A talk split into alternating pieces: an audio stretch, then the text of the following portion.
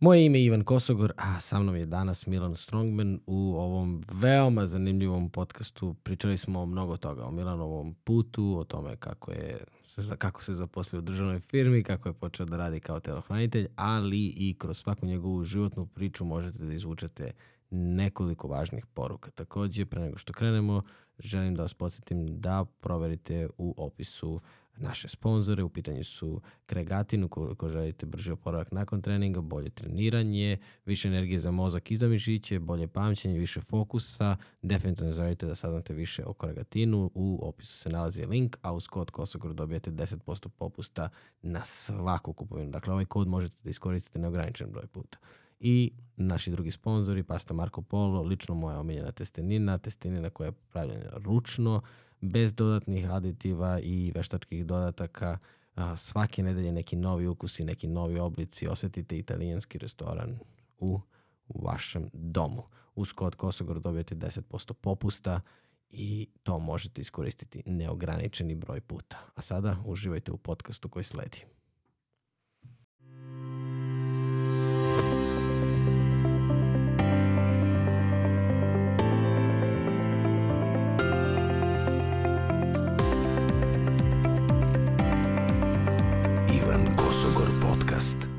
Ljudi iz teretane, ljudi iz fitnessa, ljudi iz sporta su počeli da se bave nekim životnim pitanjima, da, da pomažu, da daju neke životne lekcije, životne hakove i tako dalje. I to je ono što je recimo za filozofe u istoriji.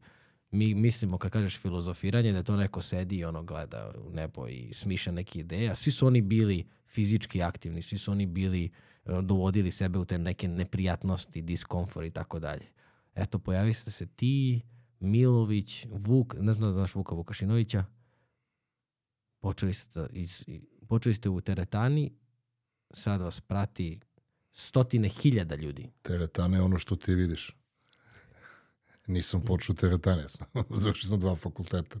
Mislim, ono, informativno da kažem, išao sam u najjaču gimnaziju i Bora Stanković, takmičan se matematike i fizike, od uvijek puno čitam. Nisam ja sad ono kao me biceps, danas mi je biceps veliki i ja ću sada da vam kažem šta ja mislim u životu. Nije baš tako bilo. Ajde ispričaj mi tvoju priču. Uh, Milović, baš smo te spominjali pre neko veče, ti si, zvali smo te, nisi se javio, onda si ti zvao, mi smo tad snimali podcast. Uh, on mi je rekao da imaš neverovatno zanimljivu životnu priču. Odakle, odakle misliš da bi bio pravi početak? Ajde da postavljaš pitanje da ne vodim emisiju. Ne, nije ovo emisija, ovo je, daj, ovo je razgovor. Šta je, evo, ajde krenemo od, od najbolje gimnazije. Ko je Milan Strongman u, u srednjoj školi? Pratite dosta klinaca, možda, možda to može biti pa zanimljivo. Da, da usmerimo, a da li tebe prate klinci? Ima ih, mislim da više, više prate e, ljudi, zato što su teme dosta vezano za zdravlje, mhm. ali uh, iznenadim se kad mi neko kaže idem u srednju školu i bilo mi je super tema spavanje, znaš, jer u srednjoj školi ja ne sjećam se da sam spavao. Znaš, sad neko gleda podcast o spavanju. To mi je recimo bilo interesantno. Ove, ja sam iz nekog razloga bio navučen na matematiku. Volao sam da rešavam te zadatke i kao što, recimo, neko ono, im boli da rešavao ne reči, ja sam rešavao zbirke. I eto, to mi je, išao sam i na ta takmičenja, a, nisam imao i do, nekakav jasan motiv, znaš, nije mi interesuo da me pohvali ova uh, nastavica matematike, bila jedna odvratna žena, mislim, onako vrlo neprijatna, znaš, nije, nisam bio eksterno motivisan, evo zasube me nos kad sam, bukvalno se zulufe, ono, pa kad te poče za zulu, zasrbite i nos. Anđelka. Ovo, Anđelka, tako se zvala da, i moja nastavnica. Da. Mislim, generalno, baš je onako bila uh, loš čovek i nije davala šansu. Mislim, meni bilo lako, baš lako, jer sam volio tu matematiku i bavio sam se njome. Mi sve vreme, e, e, Mišken će se kretati kroz, kroz studiju. Pošto kamermani se nešto šetaju ovamo. Sve okej, okay, mi, mi smo ovde sada, da znaš. Da. Sve vreme, vidjet ćeš, na, nas dvoje ćemo i da pričamo i da sve one, one sastavni deo. I Helem, hajde da ne tupim toliko matematike, ja sam to volao da radim. Mm. Ono što je, znaš kad kažu, ne možeš ti mene toliko da mučiš koliko ja mogu sebe. Ja sam to volao. Sviđa se Keom sam bio na, na, da na Jahorini, na skijenju za 7 dana se rešio neku venovu zbirku. Mislim. Toliko sam bio bez drugih ideja. Znači, recimo, bio sam šesti, sedmi razred i dođemo sa skijenja, ono, pojedemo pasulj, čekamo, jedemo pljeskavici i krom papire i ja sednem, ono, ris papira, rešavam, rešim celu zbirku. To mi, to mi ispunjavalo. I to je jedan aspekt mog života ovaj, koji ja ne, možda nedovoljno eksponiram, a cela ta moja, da kažem, misija ovim možda i neumerenim pojavljivanjem na, na društvenim mrežama, koje nisu društvene mreže, nego su video mreže, jer to više nisu ono, tetka slika šnenokle kako ispale, pa mi kažemo, ja, draga, super je što nisi zvala, šalim se, ja nisam ni mogla da dođem. A, lestica je podignuta, niko ne čita više statuse, nije dovoljno da, da slikaš samo ova jaja za, za Vaskrs, moraš malo da to obogatiš i a, lestica je podignuta, ljudi očekuju da vide video. I većina a, ljudi najveći deo vremena na telefonu provodi gledajući kratku formu. Short content. I ja sam se tu razlio po društvenim mrežama i nekoliko imam ideja. A, i jedna mi je ideja da pomognem mladim ljudima da mapiraju šta je život. Jer ti kad gledaš uh, život kroz školu, kroz drugove, kroz profesore, kroz roditelje koji muče da ti kupe te patike, pa onda se prvi klinici ugore u kriminal, pa znaš, ne postoji neko uh, sa kim oni ostvare relaciju, vezuju se sa Bikovićem, ali ne iz uloga da je ljubavnik, nego da je zajebani krimus. Mislim, možda ja, kad ne mogu sve da kažem svojim sinovima, ja to snimim i uh, puno čitam, naravno da mogu da im kažem, nego uh, osjećam odgovornost, jer sam već privukao pažnju, da tu pažnju ne zloupotrebim, da ne zigravam idiota po realitima, da nisam uvredljiv, da se ne bavim politikom.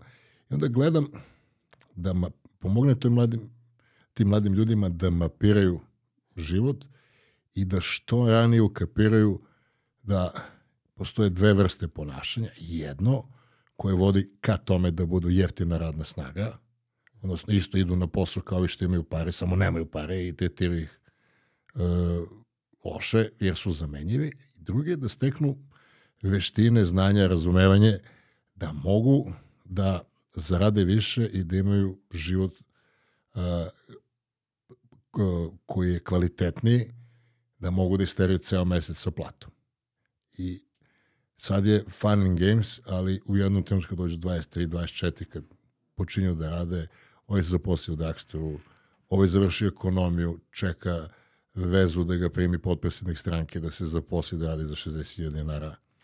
Ne znam, ovom su obećali Čale išao da lepi plakate, ovaj počeo da vozi taksi. Znaš, i to su sve zanimanja koje su ok, časna, ali to može i bolje. Znaš, ako tvoja kvalifikacija takva da si isti ko svi drugi, ti se ne razlikuješ, ne daješ novi kvalitet. I ja na više različitih načina pokušavam da ih usmerim da e, jeste, slaži se, škola je dosadna, ali da ne mešaš školu sa obrazovanjem. Kada si obrazovan, tvoj život može da bude mekši. Možeš da imaš duže odmore, možeš da ideš na bolje letovanja, možeš e, lakše da priuštiš svoje deci zezanje, možeš sebi da priuštiš zezanje, možeš da iznajmiš ljude koje će ti pomoći da ti bude bolje, da živiš u boljem stanu. A to svi mi želimo. Niko ne želi da živi u iznajmljenom stanu, recimo plaća sa režijom 350-400 evra, a da je kućni budžet 700 evra, a da imam malu bebu, znaš, a da auto ovaj, mora zamenimo gume, pa kao isterat ćeš dve godine. Znaš, pa onda kup, niko ne želi da kupuje, da vozi dete u kolima, da kupuje gume ove polovne za 20 evra. Mislim, mentalno sam bio u toj situaciji, pa sad se kod mene sa velikim zakašnjenjem desila promjena i onda a, targetiram e, ljude koji su naučeni na zabavu, na gledanje televizije, znači kladionicu, na Partizan Zvezda, na, na Vučić i mi ostali, ili mi ostali i vi ostali, svejedno. Znaš, i nekako želim da im stavim do, do da, da im postane jasno da im je život ono koliko ulože energije na, na ključnim segmentima. Ako, mislim, ako se ti najmanje baviš svojim mindsetingom i veštinama, a očekaš ti bude dobro, pa neće. Ti si onda, kao kad bace plastičnu flašu u vodu, ona si ide kako ide, nemaš nikakvu kontrolu. Što misliš da, da, uh, da ljudi lako rezonuju sa tvojim sadržajem? Znaš, jer uh, ja vrtim recimo na Instagramu, to je jedan razlog što sam teo da te upoznao, što sam već te slušao satima i satima po tih 30 sekundi se nakupilo. Znaš, slušam te od početka do kraja. To ja ženi kažem, 30 sekundi tu, 30 tamo je. Nemoj da pričaš po komšilu ko loše stvari mene. Nakupi se. Nakupi se. 3-4 minuta ima godišnje. Što ljudi lako rezonuju s tobom?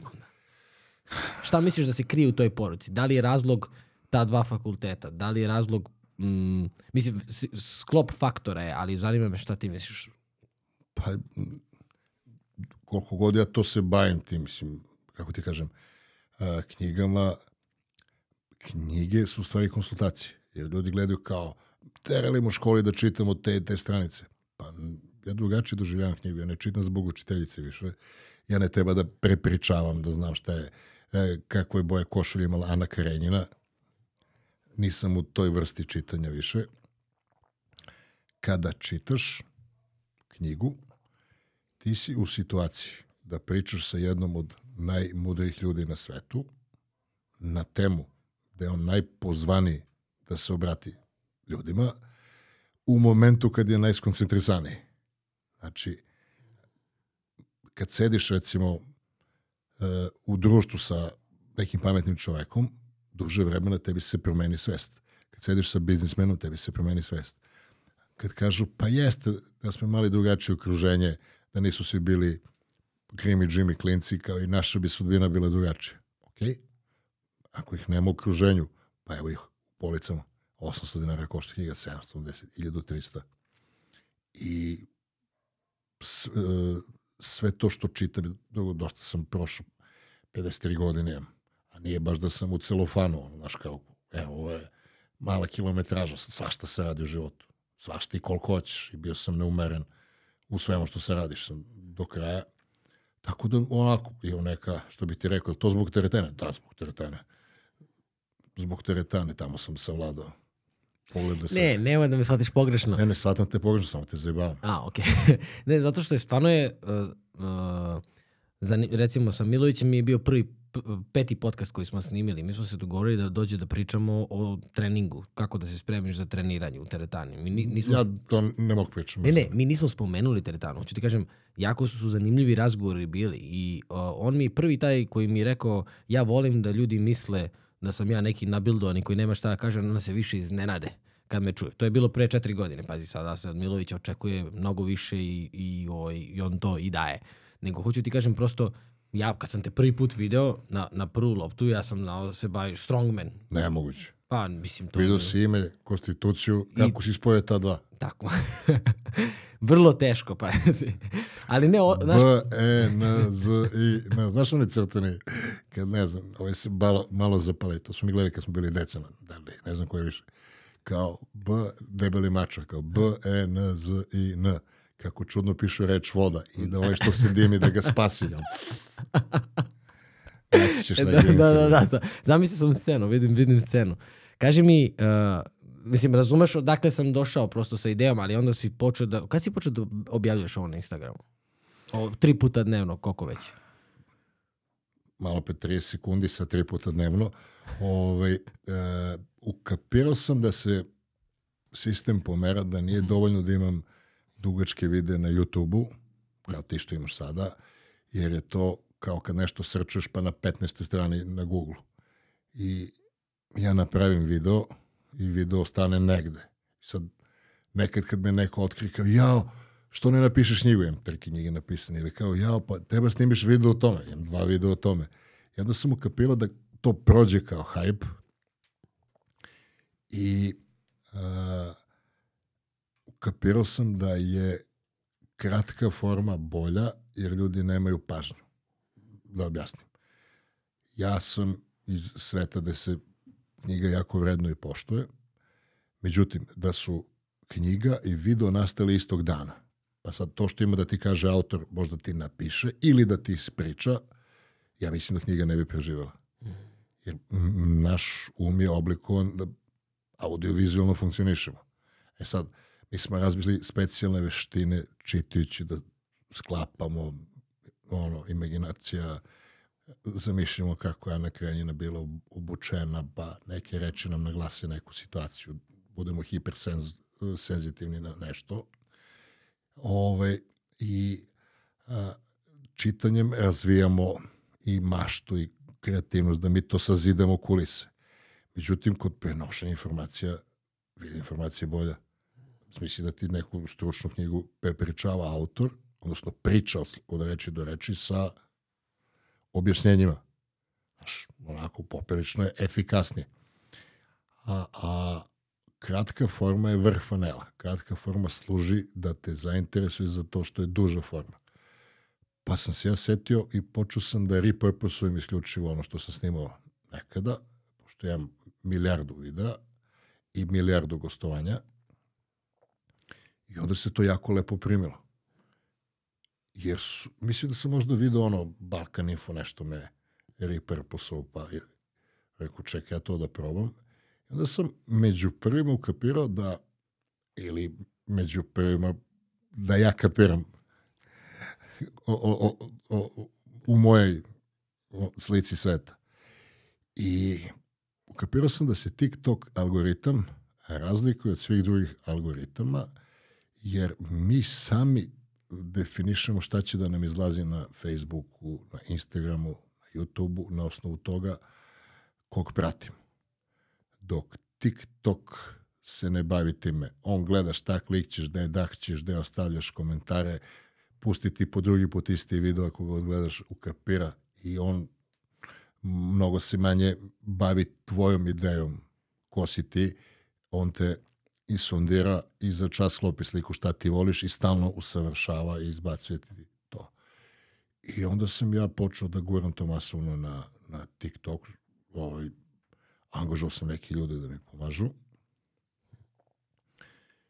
i onda se to lako i lepo primilo i ja to primećujem, recimo to se desilo za njih par meseci, znaš ono, dođem u Beogradu, stavim kola u perionici, odem da pijem kafu, kao, bit će gotovo za sad, bude za dva. Ove, ovaj, pa onda, o, to ste vi kad dođem sledeći put, pa ja ugledao sam vaš video, a onda kao ja ugužuje, znaš, pa on kaže, dođite za 3 sata meni, za 45 minuta komšija. Mislim, bukvalno tako. I gledam po tržnim centrima se slikaju sa mnom. E, ne, ne pričam da se pohvalim, nego to mi je metrika, jer da, da. nemam ja one people metre pa da znam, uvijek sam želao da radim. da, da. da, da, ima nešto moćno. da. so ima nešto u tome. Kao astronauti smo se slušali. ne mogu se upustiti, da pričam ko... Okay. Da. Možete mogu advokata samo pa. Da, da. Tako sam teo, dobro. I tako sam ja rekao. Dobro. Čekaj, ti u tvom studiju, ili imaš, aj, vratit ću te na ovo što si pričao, ti u tvom studiju u podcastu imaš isto ovakvu varijantu, tako? Ovo je moj studio za, studio za sve Dobro. što snimam, a rentiram neki studio u Beogradu. A, tu si? Dođem, snimim, Odeš. izljubim se, oni zakače na YouTube, hmm. zakače na drugim onim platformama za podcaste, uh, neki batica napravi ove kako se zovu, thumbnails i neko to napunio. Ti si bukvalno faca, showman. Bukvalno. Treba da promeniš sa strongman na showman. Strongman, showman. Nema potrebe. Nova faza. I, i, i ovo mi odgovara. Hoću da te vratim na, na ovo što si... Vrati me. Na ovo što si mi sad pričao. Vrati mi. Tako. Gde ste kupili ovo? U Americi sve sam od ono, da, da. Čemu to razočarenje? Pa ne, mislio sam da ima ovde... A, možda mi staviš ovo, možda će mi zatrebati. O, mikrofone ili zavesu, ne znam šta si gledao sada. E, ovaj sat digitalni. Iz Alisa u zemlji čuda. Bukvalno. To je estetika. Estetika. Estetka. šta si pričao uopšte ti, jel znaš? Hoćeš... Pa ono što ste ti i Milović bliski. Ovo je, ovo je potpuno drugačiji razgovor od svega što smo ikali. Emilija se vreme ovako smeje se. A možda ženi nije dobro povraća. Nemoj da ćeš o moj ženi.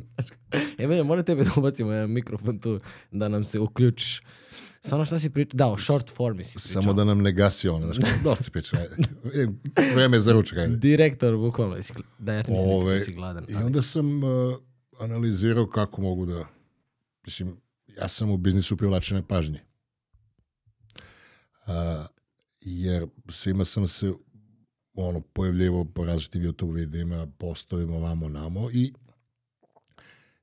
stalno sam pričao o treningu, kako masti, ugljeni hidrati, čučanj, mučanj i evo te pričam godinama to, znaš, nemam baš svežinu da pričam kao da mi je prvi put. A ima i snimljeno sad. Ono kad me neko pita, ja mu više ne kucam poruku, nego ajde da te zamolim, pogledaj video, ima ispod piše, pa čitaj. Ovaj, I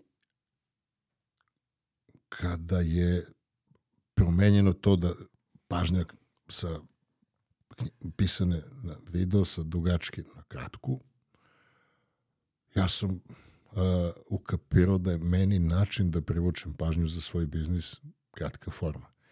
Ja sad bukvalno sam jedini od ovih koji žive od fitnessa, jer ja sam online personal trener, znači ti mi se javiš, ja ti sastavim plan ishrane treninga, uzmem ti kintu i, i ti posle bravo doktor, bravo care, ne znam, mi sad stiglo, mislim, meni lično neverovatno, ali sam objavio e, kako ljudi smršaju, a ja nisam. Evo. Sam mesec dana. Ploči. Mesec dana. Mesec dana. Moj klijent. Vidio sam tu sliku, nisam pročitao ispodnu. Mesec dana. Evo, ja sam smršio 11 kila sada. Ja sam rešio da promenim svašte. Doći ćemo i do toga u emisiji. I kad gledam, rekao, majke mu ga. Znaš, prvo, ja da, da je tako lako se smršao, ja bi smršao odmah. Znaš, moram se, smršam, vrati mi se, smršam, vrati mi se. I onda sam mislio da sam ja stvari jedan od nas. Ja nas razumem, nisam kao ovi pederi sa pločicama. Njima je lako. Vidi mene, ja sam isto, mi smo isto, no kad ti meso, četvrtak i petak, petak i subota. Mislim, ma, radim se s čim imam, ne mogu. Znaš, mogu slikam pločice. Ove, I tako da sam, ja sad pričam o svemu. Mm. Ono kao kad sednemo, pa, pa, znaš, kad sedneš sa ljudima koji imaju dovoljne koeficijente da možda pričaš, sedneš s nekim, znaš, ono, a, si vidio go, si vidio koš, si čuo šta je rekao ovaj, Da, da, druže. da, Šta nisam, ti je? nisam, nisam ja za takvu priču više. Ali gde, ajde, rekao si mnogo stvari si radio. Znam da si živeo u Americi, to mi je, ovaj, to sam negde video da si radio, neko, to si stvari ti pričao da si radio obezbeđenje ili tako nešto. To pre fakulteta, tokom fakulteta, nakon... Ne, e, sviđa mi se što ne znaš, pa ću ja da mapiram lakše, jer ljudi e, iz percepcije pitaju, a pošto pitaju, imaju sve access point, kad me pitaju, a kaže mi za ovo, a kaže mi za ono, meni opet ne mogu pričam istu priču, znaš, ti sad upadaš. Ja sam završio fakultet i o, kako ti kažem, kod mene je socijalizam odradio na kecu, sve kako treba. Jer ja sam profesorsko dete, ja sam to mišlji sad, ja kad završim fakultet, oni mi donesu posao. Evo ti posao. Znaš, uopšte nisam znao kako funkcioniše proces zapošljavanja. Kako izgleda, znaš, nisam imao, kao i hovini svedoci. Znaš, on, i kad zvoni, ti mu ne otvoriš i kad ga pustim, On ne zna šta će. ja jebote, ja ne znam šta dalje. E, ja sam bio Jehovin svedok što se tiče ovoga uh, fakulteta. Ja Sam, kad, razmišljao sam kad završim fakultet, sve, super, milina. I sad ja završim fakultet. I ovaj mi kaže, evo ti diploma, idi se prijavi na biro rada. Molim? Idi se prijavi na biro rada. Ja da budem nezapošljen. Kaže, to je procedura. Ja odem tamo, sad mogu setim. I svadi radnu knjižicu. Šta je? Nisam znao da postoji. Ima jedna ovalna zgrada, odnosno u, opštini, u Niškoj opštini, jedan ovalni deo gde ti dođeš, pa oni nešto, pa dođi u četvrtak, u, u subotu, pa ja sa gnušanjem, znaš. Ja uopšte nisam, taj deo, nisu me pripremili, nisam se subscribe-ovao. Ja se subscribe da budem ono, naj, ono, najbolje što mogu na studijama i da se dobro zajebavam. I, i recimo izvadim radnu knjižicu i kaže idi se prijavi na broj rada. Ja da se prijavim. A knjižica radna, ne znam da znaš koja je boja, kako izgleda, mislim. Ne, Samo što ne piše socijalizam, nešto bilo svetlije od ovog sivo, znaš, ono, u plastici nekog. I ja sa tom knjižicom ovde, i on je ovde, onda aha, dobro. Onda mi izvade ovako ukuričene narodne novine Niške. Čekaj, sad ću ga nađem ja. Ja sad gledam kao u Kafkinom, ono, znaš, svi premeštaju tačku i tačku. I ništa mi nije lagodno. I nigde nemam vezu. Znaš, navijeku sam ceo život, kako ti kažem, ne treba mi veza, se prepoznajemo na poslu ili to za pasuše nam završavao neko, znaš kad treba se produži pasuš. Sad ovo dođem i postaješ ono, broj. broj, bukvalno. I ja ništa ne kaju. E, evo ovde, hoćeš ovo, hoćeš da radiš u okružnom sudu. Ne znam. Da, se- znaš, uopšte, ja nisam došao do dela, prvo ne znam da li hoću. I- Jer uh, termin tinejdžer je izmišljen 44. godine, do tad si bio ili dete ili čovek. Mi sad imamo tipovi koji jebu, dižu na bench 100 kila, zakucavaju e, i možda pucuju, ali ne može da radi još. Još si nije naš. Mamino. Evo mama će pičkati materina. Znaš, napuniš 17 godina, majstore, jel ideš da tamo idem? Dobro, možda peđeš ulicu sam mogu? Jel si ga, jesam. Čestitam. Sad ogromna količina obaveza ti natovarena, vola jedan. A kod nas rastu deca koje nemaju, ja sam bio taj. Znači, ja na fakultet, ovi finansiraju, ti kad se zaposliš, jer moji roditelji nisu znali za polje, za bolje. Jer sistem je radio, ti završiš fakultet, oni ti nađu posao, oni te plaćaju i onda u, kao video igrici skupljate poene i ti i ona i onda vam udruže se dve firme i kupe vam stan. E, Evo, to tako bilo. To se raspalo kad si nas završio. Ali ja, ja sam mislio da se skroz raspalo, nije. Ovaj, evo ti tu da konkurišeš. Ja, kako se konkuriše? Pa, uzmeš ovaj oglas, javlja se po oglasu, priložiš diplomu, pa, dobro. Ja priložim, to sve radim, pošaljem poštu i stigne mi da sam primljen za nedelju dana. Znači, diplomiram, radna knjižica, ovo i zapošljen. Tap, tap, tap, tap. Znači, sistem odradio. E sad, a, u to vreme u sudu su plate bile, ne znam, medijan plate 500-600, sudi je bile 700 Ja sam bio na 250-300, jer me ne prepoznaje njihova hirarhija. Oni imaju pripre, ovaj, pravnik, eh, pripremnik, pravnik, ovaj pravnik što ide po burek, pravnik što nosi fascikle, pa ovaj pa pomoćnik od sudije, pomoćnik mitraljesa Nišanđija, pa sudija, sudija mason, eh, čalac sudija mason i ovaj glavni, što je predsjednik suda. I oni imaju koeficijenta, ovaj sa ovoliko, ovaj sa ovoliko, pa množe.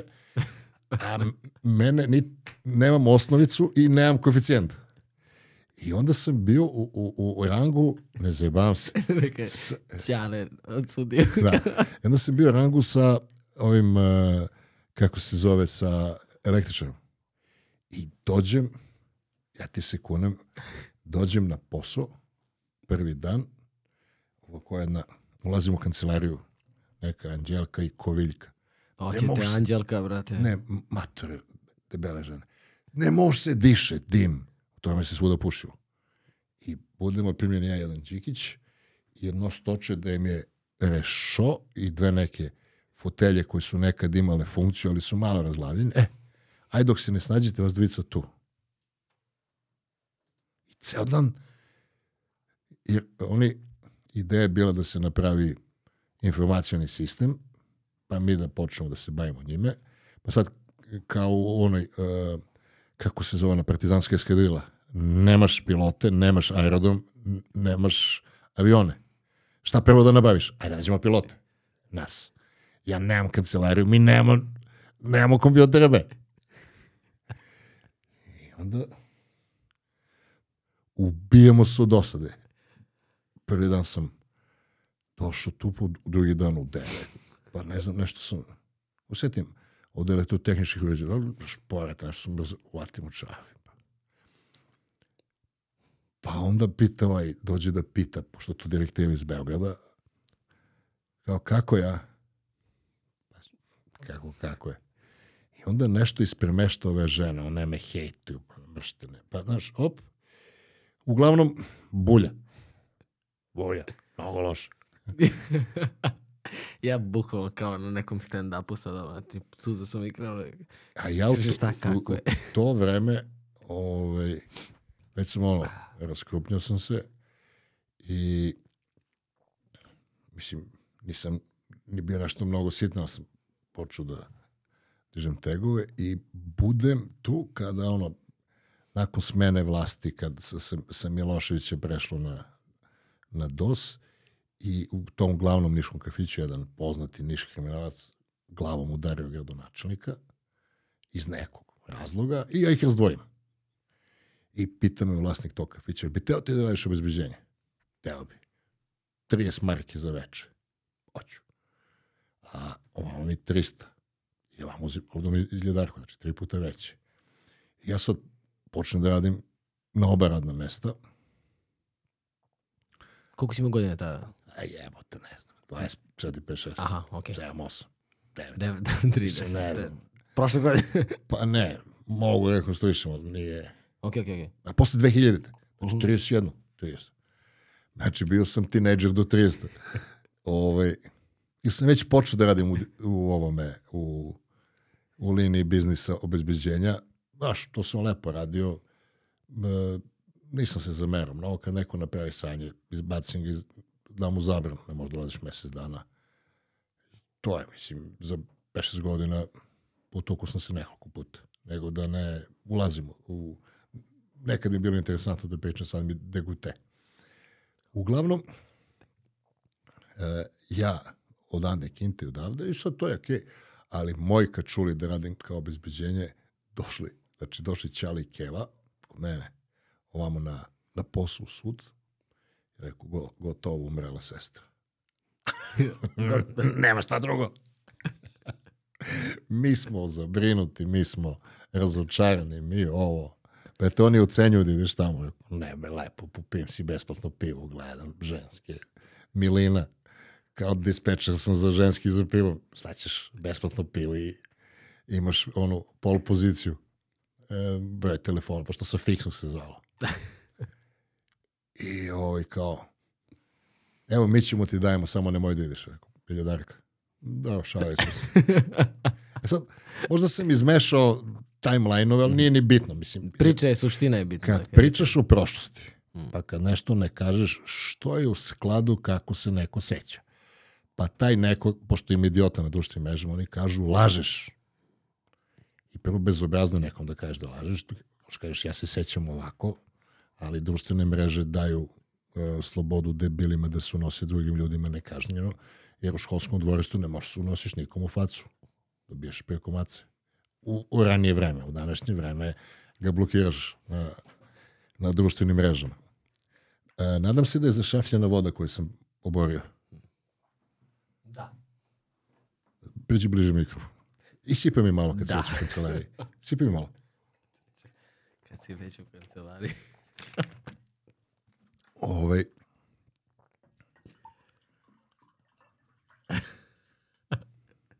Šta se tebi mota po glavi? To mene zanima. I, pa, nije ni bitno. I ovaj, šta sam pričao, to je sad bitnije. Da ne možeš nikom da se unosiš u facu.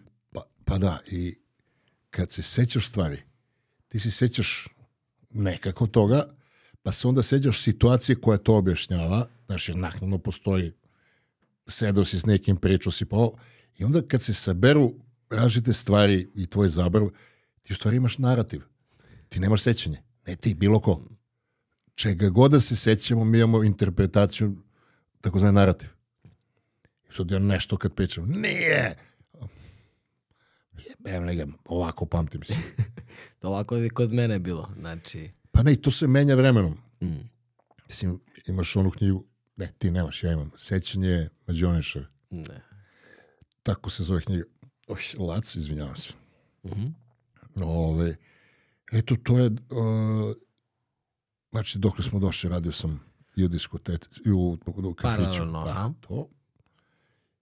I, i tu upoznam, znao sam ga od ranije, jednog od najbogatijih nišlija biznismena i on mi ponudi da radim za njega. Se da setim na timeline, bio sam telohranitelj tom čovjeku, isto, uh, jer su vam u, diskote, u kafiću počeli da smanjuju, ja uzmem off u firmi gde sam radio u sudu, za to vreme ispucam magistarske, još nisu stigli računari, ne znam da li su ikada stigli. I ovaj, nakon toga čovjek je poginuo i ja nakon toga otvaram neke kafiće. Imao sam tu neku sreću da sam otvorio kafić na Ćošku koji je bio mnogo in. Prvi put zaradim velike pare, znaš da imam keš, imam dva skupa auta vamo namo. E sad to je ključan moment, nakon što sam ja držao kafić i zaradio mnogo para, tu se lako, znaš, pare tu udarale od svuda, ja steknem dojam da sam ja pametan. Da sam ja bajča za biznis. Znaš, kao i debili danas što, uh, ja bi krenuo neki biznis, šta, pa trgovao bi kriptovalutom. Pa da oni čekaju da debil od 19 godina koji ne zna da pređe ulicu, on baš stavi i sad on prati na ono, znaš, to niko ne radi i, ili ovi što imaju dojave, znaš, Kladionka? Da. Ovi klinci što uh, učlane se ili plate za dojavu, To je ludilo. kakvi debili. Mislim, matematika je, uzmeš od 10 ljudi pare, petorici vratiš. Jebi ga nije prošlo. Ne, mislim... Dobro, to ti je i kultura kod nas. Pazi, kladionice na svakom ćošku. To očigledno da ima ljudi kojima... Znaš, ne bi to moglo da se otvara toliko. Ljudi ne veruju Da mogu u sami. moć rada. Mhm. Mislim, I dugo ti treba vreme. i sistem ne pomaže da povereš. Znaš.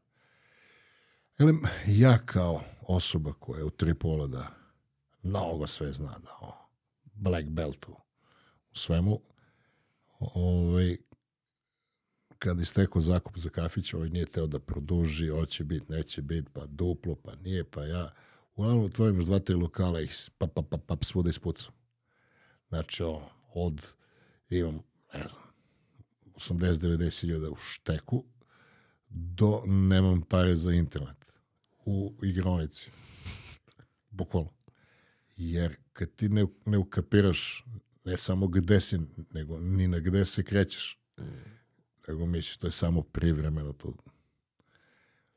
Tako da sam ja taj svoj sada očigledan, a tada nevidljivi kompleks biznismena koji sve zna, onako, jako dugo iskašljavao.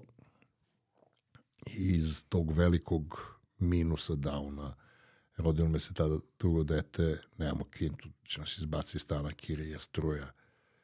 Baš, ono, Čali, Keva pomažu kumovi, ali ne može da ti biznis model da bude izdržavano lice. I a takmičim se u World Strongest Man, putujem tamo, pa donesem 700-800 evra pa ih. Pa onda prođe mesec dana pa me pozovu negde, pa se ne plasiram dobro, vratim se sa 300 evra. Najviše sam donao 800 evra. Mislim, ne, ne plaćaju oni baš mnogo tada. I posle nekog takmičenja u Edmontonu u Kanadi, pošto mi karta bila preko Majamija, ja u povratku se pozdravim s avionom i iskrcam se u Majami. Bio sam kod kuma Baneta neko vreme, onda se prebacim, on je van Miami, on je Fort Lauderdale. Elem, nakon što sam platio prvi mesec stan sa nekom random uh, devojkom sa cimerkom, ona je bila hostesa u jednom kafiću, nakon što sam to radio, ostao sam 41 dolar. Pa ne poznajem nikog, ne pričam engleski i od te tačke sam krenuo dalje. To je recimo neka, je BEM neka 2005. 6. I tamo si isto radio obezbeđenje, to je ono što sam video. Da, pa ništa onda da završavam misiju lagano i to je. Radio sam obezbeđenje. I to je to. vrlo si, vrlo si interesantan tip. To sigurno dobijaš mnogo kao informaciju, ali ovaj, nastavljaj. Ali vrlo si interesantan tip. Znaš, sa... Šta misliš da je na tebe najviše uticalo da sa ovakvom, mm, što sad da formiram, ali uh, vrlo lako pričaš nešto što je za mnoge, uh, mnogi bi odustali na, na raznim tim udarcima. Nije lako imati pa nemati, nije lako izboriti se sa svim tim samo, stvarima. Ajde. Samo, samo da citiram nešto, ću da ga nađem u izvornom obliku. Aha. Nešto tvoje ili? Ne, ne, nešto sam screenshotovo. Ovaj, kaže, pitaš kako to nastaviš kad ljudi dostaje. Baš imam tu osobinu da nedostajem. Kaže, Hogar strašni. Uh -huh. Kaže, knjige su u redu, a, ali upamti staru izliku. Neznanje je majka avanture. Mm. Bukvalno. Mnogo je zabavnije kad ne znaš. Mm -hmm. e, drugačije. Moj pokojni otac iz nekog razloga, njegova majka i konija mu stalno pričala, naš volela ovog starijeg brata koji je posle bio pukovnik uh, slovenske armije, mislim, tad je bio ma malji. I sestru njega gurala, jer je bio da li nemiran, da li nešto, i stalno pričala, ti si jektičav, ti ćeš da umreš te sa 13, sa, sa 15. I muće me sam mislio kao, jebote, samo dočekam 20. Samo 25. On 87 dočekao. I njemu je sve čar. On se nikad nije žalio. On je bio, imao šlogire, recimo, sa 50-60. Znači, ne pričam o smrti i nego o postavljanju parametara sistema da vam mislio da možda dobaci do ovde i da nema dalje. Ove, ovaj, ja sam imao nekog ortaka u osnovnoj školi koji su celi u Ameriku. Sam pitao, da li ću nekad odem u Ameriku? Da, znaš, jer nekako me putovanja od uvek inspirisala. Volim to, a od porodice sam dobio putovanja do o, Grčka, Bugarska i Crna Gora. Možda smo bili u Dubrovniku nekad na moru. Mislim, tako to tada funkcionisalo. Nije se išlo po Egiptima, nije se išlo po Tunisima. Dubaj. Dubaj, da, Dubaj nije, nije ni postojao, da. da. Još pesak šljunak. I ono, i kamilja govna. Nema, nema šta da rade sa njima. I ovaj, kad sam počeo to da unlockujem prvi nivo, drugi nivo, kada sam se dobacio, prvo sam išao na neko takmičenje u Pensilvaniju. Neki, od recimo četiri svetske federacije u powerliftingu, najpristupačniju i istini za volju najslabiju sam odabrao i pobedim i postanem svetski prvak posle nekoliko godina bavljanja powerliftingom. I budem o, o trošku mojih tadašnjih sponzora, jedno 30 dana sam bio po Amerikama, a imao sam onako, mislim, sad kapiram koliko sam malo para imao. A ja sam mislio sam ono, svi me gledaju, znaš. I to mi je bilo ono prvo, rekao što bi ja volao ovo ovako, znaš. Svidalo ti se na prvi pogled Amerika, a? Ne Amerika, putovanja, a svidalo mi se i Amerika, ali mm -hmm. taj koncept da, da ne provodim vreme u, sad kad sam u Nišu, sam u četiri prostorije. Gajba, kafić, kafić, restoran. Jer gledam, hoću da budem i restoranu da niko ne puši. Jedan je takav u Nišu. Jedna dobra klopa im niko ne puši. Meni je okej. Okay. A kafići biram da je arabika kafa. Znaš, znaš što, arabika robusta, Znaš, ne znaš? Znam za arabiku, kako ne. Da, arabika je sa aromom lepša, bolja, a robusto je ovo što bio kao turska kafa, što je samo gor koji prikenjati se ujutru. Kad popiješ prvu kafu, ono, E, i onda, kažem ti, došao sam u Ameriku i pa, znaš, ono, kad popiješ jutarnju kafu, o, milisekunde su u pitanju. Či pijemo zajedno kafu. Aj prvo ti. A onda smo, Aj, prvo ti. a onda smo napravili još jedno kupatilo. Da može da se ispričamo ujutru. Da. da se držimo za ruki, kenjamo i pijemo kafu. Ti. E, znaš onaj Radoš Bajić, onaj sekula? E, neko je napravio meme, ono, sa Aha. brkovima, odvetan šešir. Kaže, e, govno posle jutarnje kafe. Dobar dan. Mi dođemo. E, to je prvi gutlika. Znači, to nije arabika, dobro. To nije. to je robusta i ona je korovska. Raste gde hoćeš. Arabika je ono ono pederska raste na ovoj visini sa ovom svašta. Onda, kažem pederska, ne u homoseksnom smislu, mi više kažemo pederisanje kao fancy mancy. I ovaj, Pazi, samo da znaš, izvini što te prekidam, kao, o, ne znam sad kada si bio posljednji put u Americi, Amerika potpuno ma znamo ti što kurac. sk- skroz, ali pazi, Emilija koja je rođena u Americi, koja je odrasla u Americi i kad smo se vratili sad pre dve godine skoro, ona kaže ovo nije isto, kao nemoj da gledaš ovo, kao ovo, ovo nije bilo pre dve godine ovako. Bukvalno, brate, ne možeš ništa da kažeš. I sad ti kad mi pričaš sve vreme, ja samo razmišljam, o, kad bi rekao u Americi, Ne, ali ovo brate, nije, bacili bi te. e, kako ti kažem, nije u tom smislu, nego u vokabularu Oni nam su je... isto imali to u Americi pred 20 godina. Za, ta, isto tako, znači, mogu si da kažeš, a, to je gej, znači nije značilo, nije značilo homoseksualno, nego je značilo upravo to op, opisno nešto tog tipa. Znam, znam, vratim se. Ja svaki put kad, kad odem od mikrofona, Milan mi pokaže prstom da se vratim. Pošto sam pitao šta koji korac nosimo slušalici. Jel ti se svidela Amerika? Pa da, ali sljedeći korak u videoigrici kad sam ukapirao da nije svet Amerika. Ja sam mislio da je Amerika, i to nema dalje. Međutim, ono, znaš, odeš malo po Evropi, pa Rusija, Azija, Afrika, i onda kapiraš jebote. Koliko je različito, koliko je, recimo, sad sam išao dve vezane zime, a, Argentina, Meksiko. Uopšte, što se moje percepcije tiče, nikad ne mora da u Ameriku. A Buenos Aires, ps, dođeš i samo uživaš i sve ti lepo. Jel da? Pa da. Što? Pa lepo je, lep grad, sve je dobro. Nije ni skupo, normalni ljudi. Znaš, nemaš ono, ako neko padne, da li da priđeš, da li da ne priđeš da te tuži. Neće te tuži, znaš, nije... Uh, Jesu slični nama ili nemaju nikakve veze? jednog sam vidio isti takav kao ti. Lepko lutka, znači. Ne.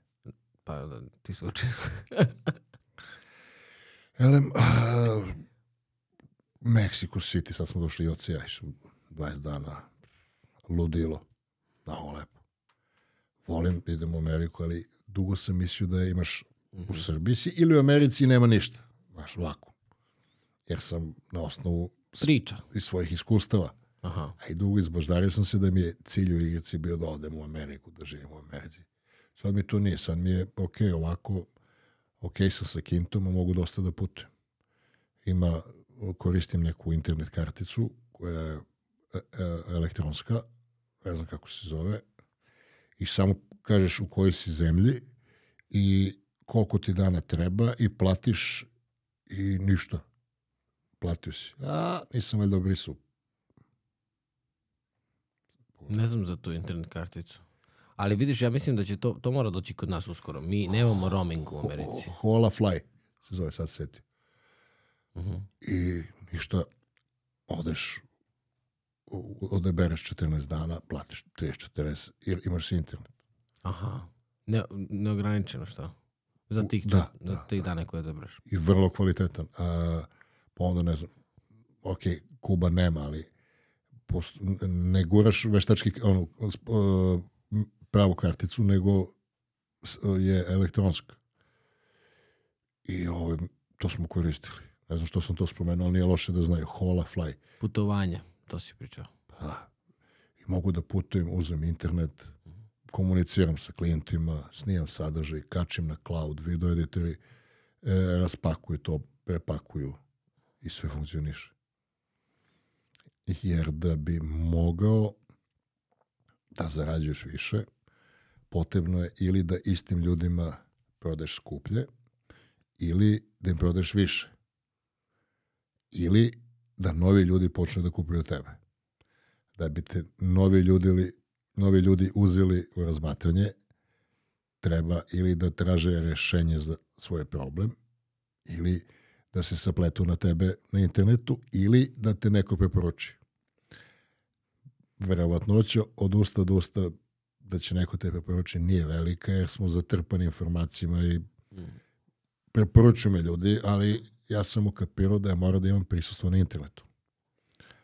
Uh, podesio sam parametre za Google za prijatelju kad traže kako smršati tenik za žene kod kuće, autofagija, znači sve gde su moji point of interest. Uh, prvo sam dugo ono kao izbjegavao sam ili sam imao predrasuda prema search engine optimization, SEO. Onda sednem i razbucam. Evo te, mislim, suština da formulišeš sajt tehnički da bude ispravan, da ga lepo vidi Google, da napišeš smislen tekst, dobar, ono, pogleda tvoje slike da nisu sa stoka i da imaš bajču koji je diler za linkove. Šta je diler za linkove? Koristi se efekt lenjog novinara. I najnovija Strongmanova metoda i zakače na neki portal. I spomenju dole autofagija ili kako to je ne radi. I ja sam to ono ukapirao. To sam uradio. Optimizio sam se za Google. Optimizovao sam se za YouTube, pošto dosta petražio na YouTube tu. Optimizovao sam za search na TikToku i na Instagramu. To mnogi ne rade. To su uh, to je voće na niskim granama, lako se bere, ali niko im ne kaže. Sledeća stvar, pobrinuo sam se da svaki kontent koji nađu kad nešto traže bude moj. Jer to na što se sapletu kad nađu na internetu možda bude šta je neko postavio i šta si ti postavio. To što je neko postavio možda bude dobronamerno ili zlonamerno, a čak i dobronamerno možda bude nedovoljno dobro napravljeno. I došao sam do toga da sam sa malim, relativno malim resursima zatrpao cijel internet. Mislim, u, u, temi, u temama koje su meni bitne. I to funkcioniše i onda sam uh, ozbiljno smanjio videe da ja pričam o treningu iskreni, da ne dajem ljudi i onda sam i samo interesantan, jer uh, biznis model koji ja sada imam je da privučem pažnju, zadržim pažnju, usmerim pažnju. Naš biznis model koji mi ovi Instagram treneri, on odmah će da ti, da ti proda. Znaš, ni ne upoznamo se. Znaš, ono, prvi sastanak, odmah kopčavaš lic. Mm. Hoćemo kod mene? Čekaj, polako. Ne funkcioniše tako. I ovaj, i onda meni se to dopalo, pošto ja sedim, mislim, svi znaju, dvojicom, trojicom kumova ceo život. I onda, iako su mnoge teme ispričane, znaš, a da mu pričam ponovo šta sam pričao, njega mrzi da sluša. I onda mi odgovara da raskinjavam neke teme i vidim da se primilo i tako smo došli do, do početka odgovora na tvoje pitanje kako sam ja, pa ne znam, volim da, volim da podelim zaključke do kojeg sam došao kroz život. Jer ne možda budeš ono funkcionalan, pametan i mator, a da nemaš šta da kažeš. Znaš, mislim, ono, bar da kažeš, ne jedi žuti sneg. Ako ništa drugo. Ako ništa drugo. A, e, rekao si da, da voliš da čitaš da iz tvog sveta, jer i dalje ovo što, sad si spominjao se nešto Simona Sineka skoro, ovaj, jer i dalje čitaš kada se pripremaš za ove stvari ili to nešto ti dune, kako to funkcioniše, znaš, jer ti stvaraš ogroman sadržaj, to nije lako, svako ko je krenuo, znaš, ko... Kapiraš, a? A kako ne, pa znam šta, znam šta je, meni, meni, nama je počeo da radi, šta je danas, ponedjak, U subotu nam je prvi put počeo lik da nam radi shorts, ovo je Luka, zato što nam je neophodno je da krenemo, ali znaš koliko mi je trebalo samo da, da prevagnem da neko krene to da radi. Znaš, ti stvaraš, ti sam, meni će se seče shorts sa podcasta gde ljudi pričaju. Ti sam stvaraš to, to uopšte nije lako. Znaš, to je ogroman posao. Ja sam buldožer. Mhm. Znači, mentalitet, a? Mindset, to si rekao na početku. Pa, znaš kako? Ima, izbjegam da pričam koja knjiga šta, jer to pričaš kad imaš 20-30 godina u ovoj knjizi ovo. Znaš. A ti kad to pročitaš, to postaje tvoje znanje, tvoja svojina. Mislim, ti kad sabiraš, ti ne kažeš taj taj izmislio sabiranje ili kad pevaš himnu, ne spomenješ onog biničkog. A, mislim, to si je tvoje. A ta histerija za citiranje mi je sa Twittera. Kao, ukrao mi je tweet. Pa jebate, komentarišem stanje puteva, šta mislim. Kakve veze ima. Ili- Znaš, kad, a ne traži se kad prepričavaš vic da kažeš ko ti rekao. Kao što Miće kaže, onda bili e, Muje Haso. Ne, samo ispričaš Muje Haso. Elem, ja ne, ne smatram da treba da se e, citiraju knjige, ali ajde, napravit ću izuzetak. Mislim, s druge strane, Ne, ne, izvini, kad te pitam, pitam te kako se spremaš uopšte za ne, ne, od- odgovaram ti na to, ali okej. pošto ću, znam šta ću da kažem, A, okej. knjiga se zove 10X, napisao je Grant Cardone i to je onako, e, ja ću da je prepričam celu sada, u četiri rečenice, E, kako funkcionišu ljudi. Kad si u tački A i želiš da budeš u tački B. I sad ima četiri različita nivoja akcije. Ako si u tački A, želiš da budeš u tački B i ne radiš nikakvu akciju, neće se desiti. E to je ogromna većina ljudi danas. Oni vide, oni saću i ono, odlaganje, ona prokrastinacija, e, nešto, niko ne načini prvi korak. E, onda postoji druga koja je kao malo naprednija, oni su nešto. Znači, nešto i e, oni uglavnom rešavaju problem do pojave problema. Mi ćemo da ovo, ajde, rušimo Miloš. E, šta je? Stao sam u baru. Šta sad, gotovo idem kući da sušim noge. Pa čekaj da rušimo Miloševića demonstracije idemo drugi. Pa, uf. Ali mogu do ručka samo. Znaš, e, koji rešavaju problem dok nema izazova nikakvih. I čim napipaju prvi, da li je ozbiljni iz- izazov, oni se, baš hvala lepo. I to su neupotrebljivi. Sad, ogroman problem predstavljaju ljudi koji sednu, smisle plan, pa smisle koliko je resursa, koliko je to telefonskih poziva, koliko plakata, koliko mailova, koliko spotova, koliko emitovanja i kažu to je to. To nam je budžet, ali ne u parama, nego u energiji koju smo spremni da alociramo za rešanje problema. I kad polako počinju da troše budžet, kad dođu pred kraj, oni ospore. Jer šta? Mi smo radili sve. E Sad, bitna stvar. Broj pokušaja da uradiš nešto na svetu je neograničen. A ti si svoj mozak kropovao na ovoliko. E sad, Grant Cardone kaže, ja sam 10x. Koliko vi što računaju, ja sam uvek spreman da uradim 10x. Uvek sam spreman 10x. I možda je nepopularno, ali SNS ekipa je 10x, 10x Vučić je 10x, klasično. Za mikro problem, on makro situaciju. Za svaku mesnu zajednicu oni svi dođu. Znaš, kao mesna zajednica ne možda nađeš na mapi, ne znaju lokalni stanovnici gde je. I naravno, da drže vlast i da su pre- preuzeli vlast. Za svaku mikro situaciju oni imaju makro odgovor. Oni su uvek 10x. I on angažuje najbolje stručnjake, on najviše ulaže u marketing, on najviše ovo.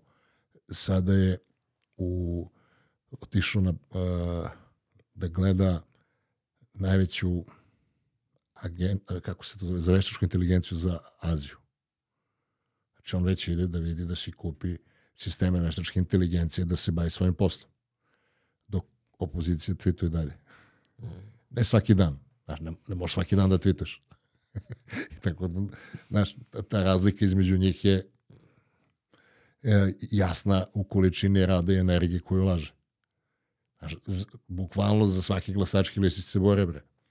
Vode ih da glasaju. I u, cel, u celu tu ekipu je pumpano to da za, s- nema, lako ćemo.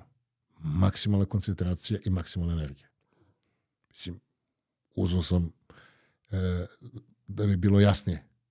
I to je, tu ne može ovi koji, ajde da probamo. Šta konkretno mogu da probaju? Znaš, I Tenex koristi u odnosima sa zapadnim silama i sa ovim i sa, znaš, kreira prostor i bavi se time čovek. Ove, I ja sam taj Tenex. Čak i više u, u smislu nemam dugme za odustajanje. Ako mi je stalo, a izvodljivo je, samo treba energija, ništa ulažem energiju. Koliko treba? Pa koliko treba. Recimo, ti si u istoj liniji biznisa sa podcastom. Počeo si podcast, pa se nadaš da će za neko vreme biti neke, ne mora po početku pare, ali situacija iz koje se vidi e, uzvišica sa koje se vide pare. A ja sam, bio sam onaj mnogo jak, pa su mi se ljudi divili što sam jak, a sad sam, ono, evo ga onaj sa TikToka, ali ja ne mogu, kad petleram 60 godina, znaš, ne mogu da ih zabavljam. Ali zato meni je dugoročan plan sa mojim podcastom na 7 godina. 7, to mi je game plan. Koliko objavljuješ? Pa jednom nedeljno, Aha, super. godinu dana sam, što nema još godinu dana cela, i da objavljujem da za sedam godina budem, reći ću, nije neskromno, najuticajniji podcaster. Ove, a šta mi je model? Pa Joe Rogan. Dovodiš tipove, raspričavaš ih. Super jednostavno. I ča, ja to čak i ne krijem. Jer ovo se zove Joe Rogan Experience, kod mene Stromcast. u, u prve dve, tri emisije je bilo isto kao onaj, samo nemamo slušalice. Isto kao onaj. Uh, dobro, do, pazi, podcast je, mislim, vidjet ćeš, uh, mi, mi smo krenuli sa nekom idejom da radimo godinu dana, pa šta bude. Znaš, onako potpuno amaterski, ti već imaš i dosta i resursa i mogućnosti da uđeš tu u, u dobru, kvalitetnu priču od samog starta, tako da to dosta znači. Ali samo gure, mislim. O, o, I ti što, i tvoj model na Instagramu koji ja vidim, koji je to pojavljivanje, to je meni, meni to izgleda kao recept za uspeh, barem ovoga što mi radimo. To je samo da bude nešto kvalitetno, da ima smisla, da ima koristi za ljude i konstantnost. bitno je i da imaš proizvod. Jer uh, mi ovo što radimo, naše oči prate kako se dešava u Americi, a tamo je deset puta kuplji, skuplji klik. I onda i gledamo baku praseta za kog verujemo da imamo pare, da ima pare i ne znam one džuđa muđa kako se zove ono. Muđa. Muđe. Prase muđa. I ima onaj Jasenštajn. Ne znam. No, i ima onaj divan momak, one ozbiljne teme. Ozbiljne teme, to sam vidio, da. Da, da, da. dečko je respekt. Ove, e sad, e, neki proces on par desetina hiljada evra zaradi od e, YouTube-a. Međutim, ja to ne verujem. Ko, izvini, nisam... Taj Baka ozbilj- prase. A, ne znam, niti sam nekad pričao sa njim, niti Imaš nameru. imam ideju, pa ne znam šta bismo pričali. Nemam, ja, znaš kao, mogu ja da se ne slažem sa tobom ili da ne mislim da nešto radiš kako treba, ali kao, nisam, nisam sigurno o čemu bismo mogli da pričamo. Šta bi tu moglo da se kaže? Barem u ovoj mojoj priči, znaš. I ovaj, bitno je da imaš sekundarni proizvod, odnosno da ti samo, da služi samo da ljudi da te prepoznaju, a kod Mićka kupujemo jabuke. Ili kod Mićka uzimamo evo je, trening iskreno. Tako ja sam došao do tog epskog nivoa da meni samo potrebno da me ljudi prepoznaju, a to radim onako jako solidno, ja mislim, i uopšte ih ne dajem svojim biznisom. Niti ih teram da kupe ništa. Ko se meni javi pričam. Misliš da bi to moglo da bude recimo pre pet godina, šest, kao model? Znači da ti kao neko ko prodaje is, ishranu, način treninga i tako dalje, pričaš o ovome što ti Prodajem pričaš. transformaciju. Ok, ali da li bi to, misliš, da li bi to moglo da prođe ranije? Jer ja mislim da se ceo pristup internetu promenio. U smislu, ne priča sad internet ono od 20 kao date na internetu, šta bi moji roditelji, ne, ne, to je, to je već ono, dinosaurusi. Ali ovo što ti radiš, tvoj biznis model, meni ne deluje da bi to prošlo pre tri godine. Četiri godine, nebitno. Ja sam sedam godina. Ali 7 godina pričaš, pričaš si na početku o čučnju, sad si Tako, provalio da. možeš da se prešaltaš na drugu temu. O tome ti pričam samo o temama. Pa, m, kako ti kažem, e, Jer nešto je drugačije. kad kažeš ovo je dobar doktor, ti ga ne pitaš, e, ej vaš doktor, ajde mi ispričaš ko je sastav paracetamola. Znaš, kao, niko, to je konsta, e, neupitna činjenica. Ok, strongman je ti si dobar ili imam svoje stave da imamo, jer ljudi da bi te angažovali nešto da ga, mislim, prost primjer, kad ideš recimo kod pedikira ili kad, ideš, kod, e, kad menjaš frizera ti pitaš na četiri mesta. Kad kupuješ kola ti pitaš ko je čovek. Mislim, taj isti auto možda ti proda neki penzionisani lekar i neki, znaš, bate se ja, bate, isti auto, to je njegov sin, od njega neće da kupiš, od ovo kupiš. Znači, bitno je to neko poverenje i moje pojavljivanje u stvari, uh, ja na taj način predstavljam sebe uh, na način gde sam najjači, znaš, na teme koje volim da pričam. Znači, onako skromno se uh, predstavljam u najlepšem svetlu. Gledaj ovo, sad kad si rekao. Da se promenilo? Prvi vlasnik BMW-a, vrate, Da, da, da. i poslednji, sad kad si rekao od koga kupuješ auto, bukvalno. A, ali, e, da li si, ne znam da si me razumeo, znam, razumeo sam tvoj odgovor, samo ja mislim da se internet promeni u smislu da ti sad zapravo ne tražiš više eksperta, sad prvo tražiš čoveka, pa onda gledaš da li je ekspert. Ranije ti bilo bitno samo ekspert, znači ti ako se baviš fitnessom, objavljuješ samo fitness savete, ono ljudi te prate jer imaju to interesovanje i kupit će tebe na osnovu ekspertize koju si pokazao. Od kurosel onih stvari koje su se vrteli do ko zna čega. Odlična analiza, mislim da si upravo. Znaš. To, mislim da je super vreme. Ono, ono, neki talas, ne znam da si ga ti stvorio ili si ga ti prvi ono, nahvatao se na njega, ali stvarno si ono, otvorio si put da sad svako može... Ali ti provaljaš da sam ja najstariji u igrici i da najbrže reagujem. Ja sam najstariji, 53 godine imam. Mislim, ostali su uspavani, nemaju hrabrost da probaju. Da pustimo da ide još ovako. Ovaj, uh, I naporno je. Ti, uh, ne znam, ti sad sebe doživljavaš kao nekog buldožera koji to sve lagano radi, ali to je jako naporno što ti radiš. Uh, to je isto... za buldožer nije. Buldožer ti duvat, buldožer duvat, buldožer du. Mislim, heavy duty mašina. Znaš, to vama nešto izgleda čudno. Ja tako funkcioniš. Ko, koliko ti vremena ode na, sad ovo tehničko pitanje, baš me zanima, koliko ti vremena ode dnevno, nedeljno, nebitno je kako god sumiraš svoje vreme, na kreiranje tog sadržaja? Pa nemam pojma. Baš ne mogu sad da radim. Ovaj, ja sam ranije angažovao jednu cu, ovaj, imaš jednu momka i curu koji bi mi da ja ne istražujem, oni sebe zovu copywriteri i mogu da budu nazivani copywriterima, ja dam teme da napišu kako bi ja to napisao za video, pa im ukrstim da kažu evo ja sam napisao ovo šta misliš o ovome i, i dam im pare i umesto da ja ne znam 60, 80, 100 sati sastavljam timeline kada je došao, da li je, znaš ono gde i onda ispričam trećinu toga. E sad mi to radi chat GPT. Ja na mnoge teme, znači ono, imam enc- enciklopedijsko znanje, ali površno. I onda postavim pitanja i ovaj, jednostavno kao takav, ko, bukvalno malo interpretiram, malo komentarišem i to mi dosta ubrzava. Jer ja sam jako temeljet, ne mogu da snimim, da nisam 400% siguran. Znaš, recimo ja kad čitam sad svoje stare tekste, Znaš, ono kad pogledam, dakle mu ovo ne mogu se setim, kod drugi čovjek da pisao.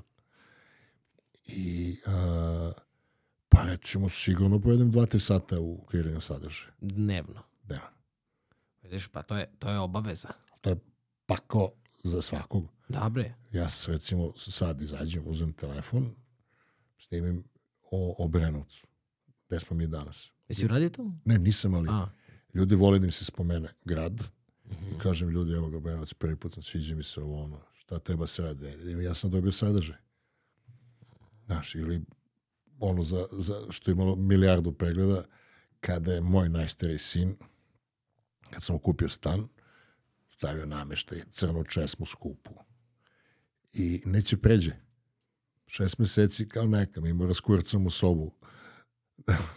On spava u dnevnoj sobi. I onda prešao nje, nje, znaš, onda počinje da, da, ono, počinje da živi svoj život i sad ono, ove, Uh, znaš onaj kad imitira Kevin Spacey Al Pacino, prvo znaš ko je Al Pacino, znaš, znam znaš koja ko je? opacina. Ka, a, kaže, kad imitiraš Kevin, Kevin Spacey kaže, kad imitiraš Al Pacina, on uvijek nešto traži. Uvijek u kadru nešto traži i uvijek kao da ima višak vazduha u plućima. I ima uvijek da kaže neke ha E, tako moj si nešto ono. Ne, prvo kad sam mu, kad sam mu davao ključeve od uh, sandučeta, kasnije, kasnije, nisam mu odmah dao. Ko će mi piše? Rekao, sine, ima ljudi koji pišu. Jer ne zna za, za instituciju uh, Elektrodistribucija. da, za račune. I sećam se, nešto sam ga pokupio kolima i ono, da mi piše. da, kao, zamisli, isključili mi internet. Što? Pa izgleda nisam vratio. Pa kad počeo da isključio? Pa ne, izgleda, on je od uvijek, mislim, e, e, znaš, pa pička ti materina, ne rastu čarapu u fiocu, u fioci ne raste mleko u frižideru. Znaš, ima Dobro, proces dobro. pre toga. I to sam snimio i ljudi, ono, 700.000 pregleda. Kaže, ko će da mi piše? Da. Ima si ljudi, ne, ono što ti brineš. Ali seća se u škola nešto to on, znaš,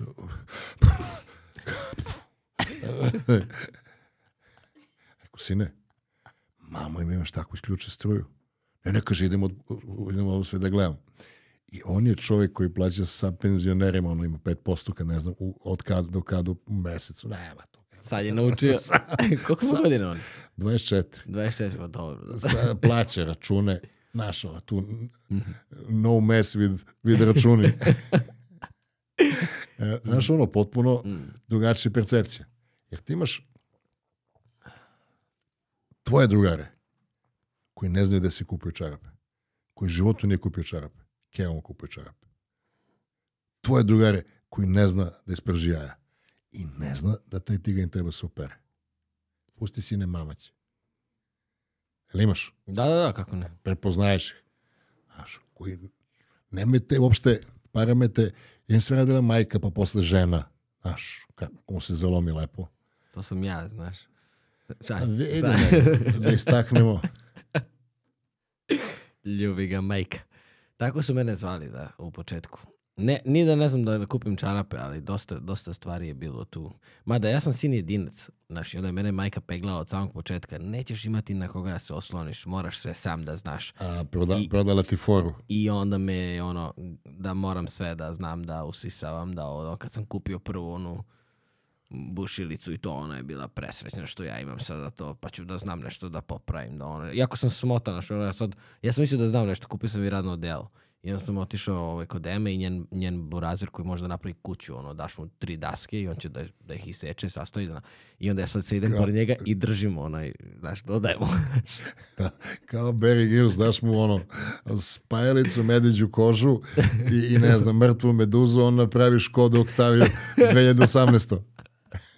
Bukvalno. Znaš, ono, imaš mrtvog onoga jelena, ono od mrtvog jelena. ne znam. ja mahu da idem. Da, da. Da, ovo je stvarno, Nikola i Alex uh, zna, mislim, oba burazera su jako sposobna, ali niko šta god da uhvati, brate. Znači, to ti ono, stolica se klima, on je rastavi cijelo i sastavio da se ne bi klimao. Ja bi zavrnuo šraf, meni bi to bilo. On hoće da proveri da li nešto drugo i tako dalje. Ima takvih ljudi, ja nisam takav, ali bih volao, znaš, ne, ne volim da se mnogo oslanjam, ali kad mogu se oslonim, oslonit ću se, mislim, to je prosto. Inteligencija da rešiš problem. Tako je. Kada biznismen se nađe u luci kad uplovi dobra jahta, pita čime se gospodin bavi. A plavoša pita ko je gospodin. Mm, A cilj je da budeš na jahti. da, da. Plavoša bude to veče na jahti, ovaj za 30 godina. ti biznis, uh, mnogo je teško, ja to znam sam po sebi, malo sam ti rekao, pre tri dana sam prvi put delegirao nešto i ono, osjećam se i dalje kao ja bi to najbolje uradio, ali kontam da to zaista ne bi bilo tako, zapravo postoje ljudi koji znaju mnogo bolje stvari neke od mene. Kako si ti delegirao? Pa ja sam počeo da snimam te kratke vide, da svakog dana snimim jedan video, da ga izmontiram, da ovo, da ono i onda sam crkao posle 7 dana. I onda sam zajebao da ih snimam.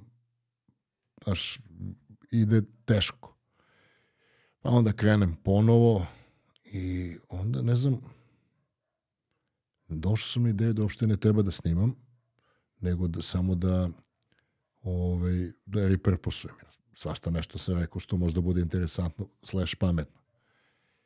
I mislim sam stavio oglas negde ili mislim da je istok nešto pričao, ja sam pitao, znate nekog, pa mi se javio neki čkode i valjda u Novom Sadu i angažujem njega, pa još jednog i sad imam njih trojicu, četvoricu koji to edituju i postuju.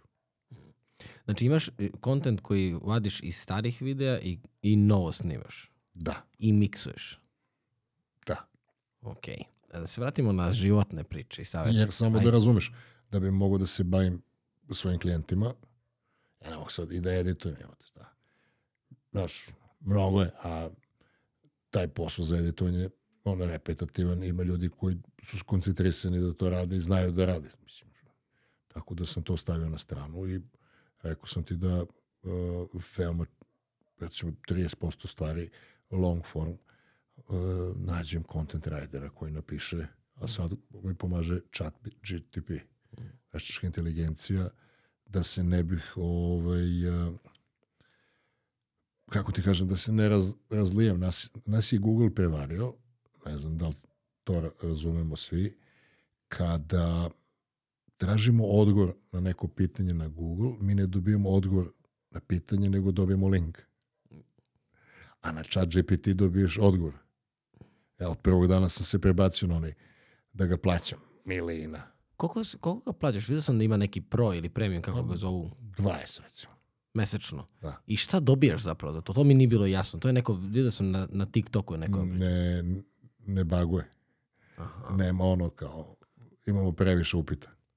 A, da, vid- vidio sam, skoro mi je, skoro sam još htio da proverim i pisalo mi je kao zbog pre, preopterećenosti sistema nisam u mogućnosti da sad odgovorimo. Za mene, brat, Google, ovaj chat GPT uvek tu.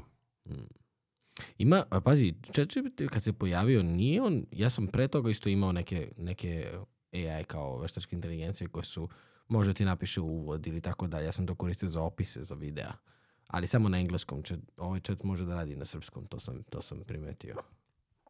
Pa meni pomaže da mi nabavi taksativno.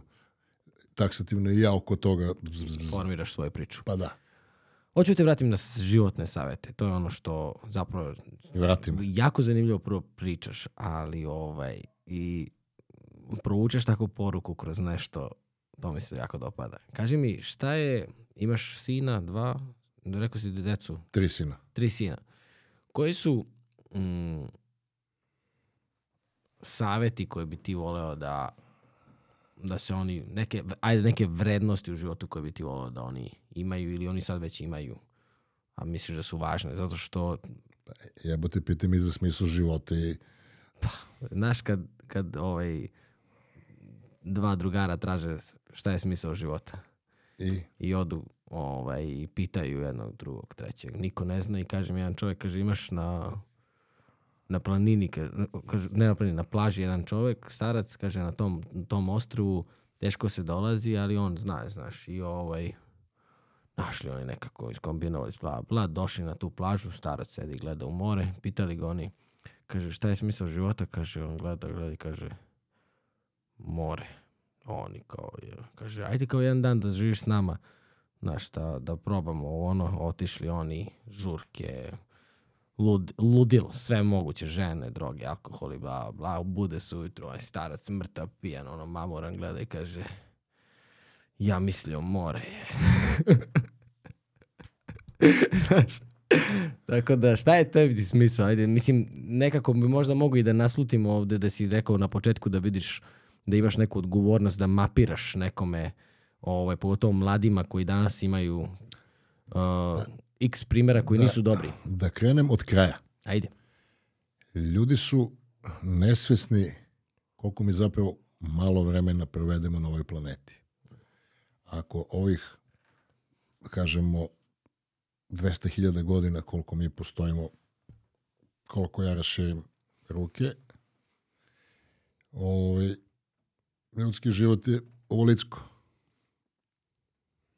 Ne ništa. Na jušno.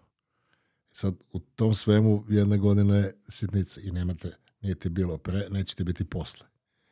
I sad ti nešto uh, sediš u istom prostoru s istim ljudima, s istim mislima.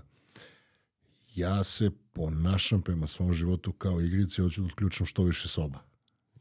Da ono, što ovih više ne zidam zankove, nego što više alata koji mogu da mi spremaju na, uh, trebaju na sledećem nivou. Ja imam 53 godine, prosječni ljudski vek 76, š- 24 mi je ostalo.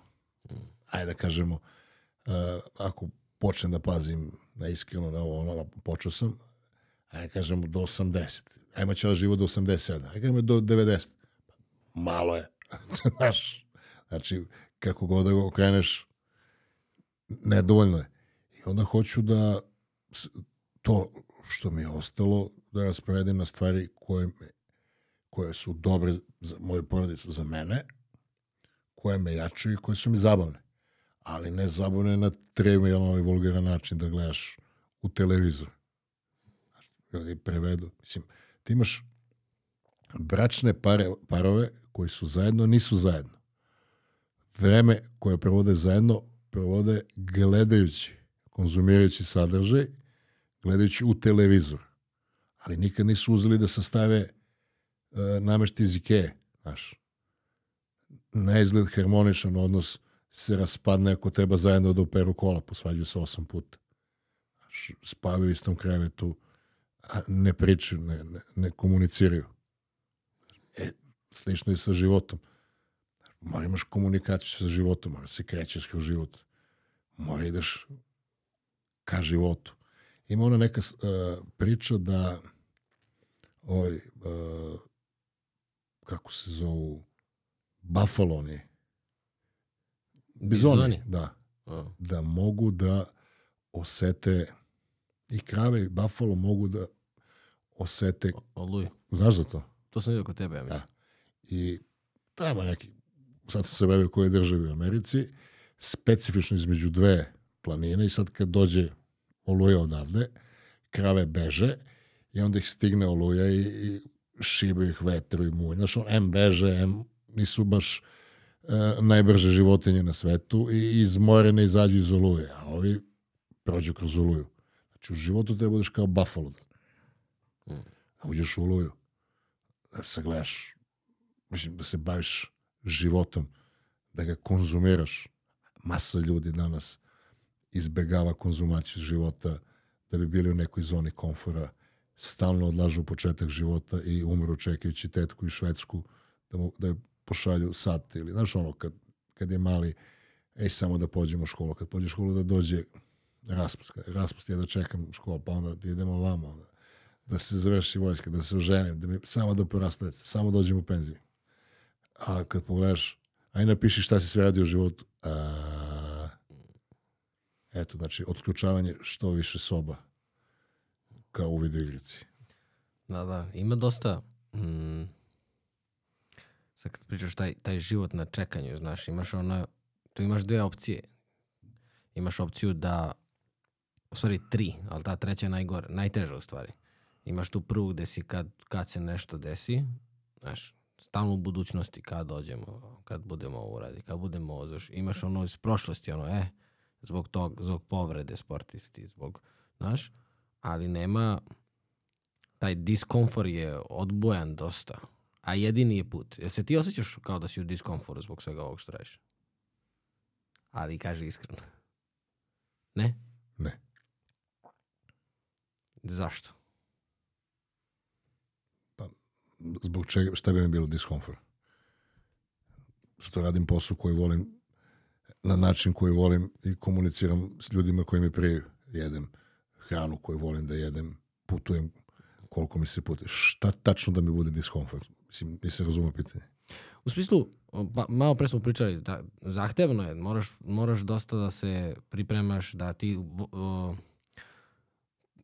ne, na nekoliko projekata radiš, ne, ne moramo pričati sada o tome, ali prosto tvoj biznis model zahteva od tebe da budeš fokusiran, da, da vodiš ljude, da vodiš svoj tim, da Znaš, nije to, nisi od, od 8 do 5 ili koliko, od 7 do 5 i da si, kad završiš poslom da ti je mirna glava. Konstantno moraš da, da obrađuješ neke informacije. Ne, mi... To je tvoj model koji tebi funkcioniše? Pa, ništa mi ne smeta. Mislim, moj jedan od najboljih drugara je, je duže vreme mentor Žika, ima 31 firmu. Rađe ogromne pare, ali 31 firmu. 31 Excel. Ima fabriku preko nekoliko miliona, mislim, ne znam koliko on ima zapošljenih. 31 Excel treba otvoriš. To, e, šta ti je cilj? Šta ti je, gde vidiš nakon ovoga? Koji je, koji je sledeći level za tebe, nivo? More. Da. ja mislim more. Ništa ovo da. O, o, da u što boljem zdravlju nastavim da funkcionišem kao što funkcionišem. Držao sam neko predavanje on, online trenerima i neko me pita šta je sledeći poduhvat? Ništa. Nema sledećeg poduhvata. To nas vara taj kapitalistički narativ da mora nešto sledeće. Kao, ko je ti sledeća žena? Pa isto. Ko je, znaš, ajde sledeće dete, možda praviš novo. Ne mogu da, da, da kažem, ali sledeći biznis, po pa ovom je okej. Okay. Imaš nameru da se širiš? Nemam. Ali ako se otvori prilika, rekao bi ne ili... Naravno. Naravno. Svemu ne. Hm. Uh, zvali me iz jedne firme sportska oprema. Ja sam im dao cenu da ih odjebem. I oni su pristali ili? Ne, nisu. A, ja rekao, možda je prošlo. Pa ne zašto? Jer ne mogu sad sebe da vidim da se oblačim u njihovu garderobu, da idem na evente, da pričam, jer ja nikog ne reklamiram. Znači, to nije neki ogroman posao, ali su im dao ono, cenu da ih odjebem. Onda uh, jedna velika firma hoće da uđe u Strongman Sport, pa da sponzoriše lokalna takmičenja, pa onda dođe da na svetskom nivou. I pita me kao, znaš, rekao, ja nešto nisam motivisan, ima to ono katonu, a ja ne znam katuna da je šta i da li može dovoljno adekvatno ne da privuče pažnju, nego da organizuje. Ne, ne znam. A mi voli sa tom, kao pare nisu problem. Pa da li ja neću uba, ubacujem nove radne sate u dan. Mm. Jer kao ja da nešto budem njih čovek, pa ja da budem i zaštitno lice, pa da organizujem takmičenje, pričam s novinarima, pravimo opremu, e, pratim da li je svaki od njih ušao avion, izašao, kakio, piškio. Ne. Jer sad imamo onako najpovolji odnos slobode i, ovaj, i financije. Znači, najpovoljniji istorijski što iznad mojih očekivanja. I svestan sam toga. I zahvalan sam. I sad, znaš, aj ću to, znaš, otvorimo kafić, ti uđeš samo volku i ti imaš pola. Ne pada mi na pamet. Ajde, neću perionicu za kola, neću. Mi bi mogli da napravimo, ne. Jer mnogo je bitno da znaš da kažeš ne. Jer, mislim, svako ne koje ne izgovoriš ti oduzima e, potencijal za pravu stvar. Svako ne koje ne izgovoriš Tako ti oduzima. Aha jer potrošiti vreme. Znači, ti prestaneš na nešto što je recimo ono, 6 sati nedeljno, to je za godinu dana 300 sati. Za 300 sati možeš izmisliti biznis, digneš sajt, napraviš payment procesor, mislim, ili da si uzu 600, 300 sati da čitaš samo. Znaš, ko ono, top 10 knjiga za ovo, za ovo, za ovo i pročitaš. Nisu ti donali pare, ali si ti postao alat. Jer ja ne gledam televiziju, uopšte. Nemam, te, imam televizor, ali nije uključen ni u šta. Gledamo YouTube na njemu. Ove, ovaj, ne gledam sportove više. Što ne gledaš sportove? Zašto bi gledao? N- Nisi uživao u sportu? Jesam, ali mi je promenjena svest. U kom smislu? Pa, šta- mislim, šta da gledam milionera koji tučka lopticu ili ubaci u koš? Šta, šta, šta, šta je tu benefit za mene? Znaš, lakše mi kad gledam Pornić da se radujem on što, što jebe, nego ovaj što tučka da se radujem. Znaš, vi- više se se osjećam u ovoj situaciji. Znaš, nemam, izgubio sam to, ne mogu da gledam. Mhm. Ne zanima me. On, čitam knjige, gledam po, po ovim YouTube-u neko interesantne stvari koje me jačaju. Eto, to je, ne kažem da je to jedini model, ali ja svemu kažem ne. Pa tek onda puštam nešto dođe. A kad ti sve uđe u, mislim, mi imamo u memorijskim lokacijama recimo likove iz farme. Tu nam stoji jednu kockicu nam zauzela e, ona Miljana Kulić ili neko. Zašto bi uopšte bilo ko znao da neko postoji ko je u farmi? Nema potrebe da znamo. Zašto bi ja znao šta je rekao neko iz opozicije ili iz vlasti? Ne zanima me. Ni na koji način ne utiče direktno na mene. Zašto bi ja znao da li je ovaj ušao u Australiju ili nije?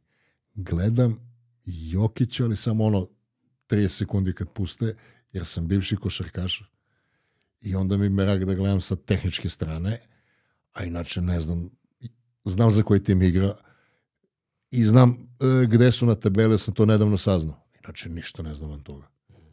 Znaš, juče me prekšao pita sin, znaš za koji tim igra Bogdanović? Ne znam.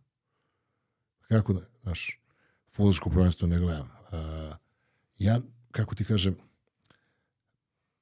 već, ako posmatramo život kao autoput, pa ova najlevlja traka, najbolji automobili, znaš, ljudi koji se kreću brže kroz život u kvalitetnim vozilima, znači imaju, to je metafora za kvalitetni život, pa ova, ovi, većina ljudi su ovaj, ili skroz desno, ili u, u, u ove pored nje. Tu masno, spori automobili, kamionska guma koja može ti polomi ovaj, od ozdovane plastike. I sad ljudi, umesto da gledaju sebe u, u najsporijoj sutraci, ajde obriši stakle da vidiš da ideš noći. Ajde napumpaj gume. Ajde radi tehnički pregled, vidi. Znaš, on navija za ovog što prolazi Rolls Royceom. I on postaje diskonektovan od želje za napretkom, jer prati tuđi napredak. I živi uspeh kroz avatar, a on ništa ne radi da bi menjao svoj život na bolje, da bi mu bilo bolje. Jer on, da, da mu je dobro, ne bi gledao tuđi uspeh. Bavio bi se, znaš, bleo bi sa svojom ekipom, radio bi nešto, znaš. Tako da ljudi, recimo ovo Partizan Zvezda, u, ovom stadionu života mi nejasno. Kako sad odabereš za kog navijaš i zašto su ovi loši svi? I obrnuto. I što bi sad mrzove? Što će se pobiju? Mislim, ja sam Čale mi partizanovac, bio sam navijač, ne hardcore, ali ozbiljno to izgledalo kod mene. Mogu da gledam kulturološki, znaš da dođem kada je neka utimica, da vodim decu, ovi se deru, baklje, a u, mislim, kulturološki, ali nemam emocije oko rezultata. Na sreću, već neko vreme. Jer ti kad si fokusiran, kad delegiraš nekog da ima uspeh u tvoje ime, ne ostane ti dovoljno energije za, za ličnim uspehom i za ličnim ostvarivanjem i radom na sebi. Naravno, bit će u komentarima ljudi kažu, ja sam zarađujem 4000 radim kao programer i vaterni sam navijač i mislim da je, aš, pošto mali, kako, kako delegiraš da neki ljudi koje ne poznaješ budu deo tvoje ekipe. Mislim, šta se tu tačno desi? Jedna da je Ne, ja nemam kao uh, to za zvezdu i za partizan kao navijam za zvezdu, ali kao kad ne, nemam emociju u smislu ako zvezda izgubi, da me neko ne shvati pogrešno, volim kad pobedi, ali kao mm, ako partizan igra protiv nekog u Evropi, navijaću za partizan. Ako me pitaš za Ne, koga navijam. zašto, zašto bi navijao? Zašto je bitno? Mm. Zašto to... na, nametate taj... Uh, Nametnuto jeste, to da pravi. da ti skrenu pažnju. Jer kad bi nemoj, ne bi imao realitije, ne bi imao, recimo, uh, ove limonade filmove i ne bi imao sport. Ljudi bi rekli, čekaj be To majstore, ne radi. čekaj be, što, što imam, premium platu imam do 16. pare, nemam posle. Znaš, onda bi jedne, neki rekli, ja mogu da se usavršim, a drugi bi rekli, pa ovaj sistem možda se promeni. E, ti koji kažu, ovaj sistem možda se promeni, su opasni. I zato stadion od milijardu. Pa dobro, leba je igara samo prepisano u... Ne, ali ne ulazim na taj način. Ulazim na, uh, ne ulazim u odnos sistema prema pojedincu. Ulazim u odnos, jer to ne možda menjamo. Ili se teško menja, napravno, rizično je. Ti koji ga promene nemaju benefite. U, ukrljaju se ovi. Uh, Kad je bila revolucija u Rumuniji, kada je, znaš kako je to bilo? Pa ništa tog dana se Čušesku probudio ležerno i imao je neku pobunu koja je malo ugušena u Temišvaru i na trgu u Bukureštu da napravi sam sebi podršku. I izašao na trg, znaš, kupili 60-70 hiljada ljudi, rutinski, znaš, kao, radilo je uvek radići i sada. I neko prvi počne da zviždi. Pa prihvati masa, izađe Elena Čaušesku da ih smiri, pa nju izvižde, pa ovaj nju skloni i zajebu. E, sutra se probudio mrtav. Tipovi koji su se našli tu, taj prvi, e, nisu ti koji su uzeli vlast, nego ljudi koji su otpad iz Čaušeskovog sistema su se u hodu grupisali i napravili su strukturu. E sad, ključna je ta struktura. Kada su ti prevrati, ništa se ne dešava spontano. Uđe ekipa koja je postavljena kao klin, imaš prvi, drugi, treći nivo i ekipa sa jačom strukturom pobedi. Ovi su se u hodu pregrupisali, izvukli su Ilijeskog na površinu i on postade predsjednik. Nije pojedinac iz masa, aj svi da sednemo, Nije taj koji je zviždao prvi. Da, nije, nije oni koji su tukli, znaš, koji su napadali, i nikad biti neće. Nego će ljudi koji su uh, znaju kako funkcioniše sistem. Aparatčići, ili što kažu Hrvati, uhljebi. I njima je lepo, znaš, oni sve znaju. I oni samo se uperkiraju na praznu poziciju. I oni su uvek pol pozicija. Ne oni koji koji su gorevo za promene, nego ovi koji su znaju gde treba da stanu odakle počinje trka. Eto, to je. I prvo neko vreme će pričati priče, mi ćemo, sve će biti u redu i ništa nastavi sve isto, jer je jako, kako da kažem, mnogo lepo kad dođeš u razrađen sistem, znaš, imaš ovo što je pljesteš po dupe kad dođeš na posao, imaš ovde u fioci ti pare, ovde ti ministar vojske, znači, baje si be, lepo je. Ne možeš suprostaviš tome tako lako, ne možeš da downgradeš nešto što te ispunjava, znaš, teško je. Da, znaš, pre neki dan sam razmišljao, mi nikada ne pričamo o politici ovde, prvo što ja ne pratim i nisam uopšte kompetentan da pričam o tome, ne znam imena, ne znam ništa, saista. Pogotovo sad kad smo se ocelili, to je još, još gore. Međutim, razmišljao sam samo o politici kao nauci, jer politika se smatra naukom, tako, kad ideš, ideš na studiraš fakultet koji se zove političke nauke. Međutim, sve što ti vidiš po televiziji i tako dalje, to nema veze, s, nema n od nauke. Mislim, to je prosto neka šema. Ti si sad rekao struktura, mogli bismo razmatrati, ali mi je žao samo što je politika, verujem da je nastala iz dobre namere, verujem da je nastala iz, iz potrebe da se neko društvo organizuje, da se to, naš poli, političar znači sluga naroda, ali kod politika, ne, samo, ne pričamo u Srbiji, pričamo o politici u, u celom svetu, političari nemaju nikakve veze više sa tim slugama i taj osjećaj demokratije, e, socijalizma i ostalo, to i dalje funkcioniše. Mislim, to je, samo imamo druge nazive i naša tolerancija je otišla da. Na većem nivou, znaš. Ali, ne, nije tema. Kaži ti meni, koji su to to bili limunada filmovi, kad si rekao limunada? Hollywood, šta, na šta misliš? Pa limunada bez šećera uglavnom. E, znaš, imaju ljudi koji e, u, u glavi imaju iskopiran ceo sadržaj Netflixa, svega se sveća. E, bio sam u zdravstvenom problemu jedno 5-6 dana sa onim virusom. Mm -hmm. Malo pre toga sam smršao sa sad i dehidirao i danima pijem mnogo više vode nego što inače pijem i proveravam da nisam izbušen negde. Da ne. Samo ti slušaj svoje telo i cep. cep. Ma nije li diabetes suše mi se usta? da. Ne, Bože, ćuti. Kaži ti meni. Kao piroćanac, ja sam Aha. kupio ovaj, ne znam, iPhone najnovi. Ne, ne. Znaš ono, i, i u zadnjem džepu je se jednom krcu. Samo da je kičma.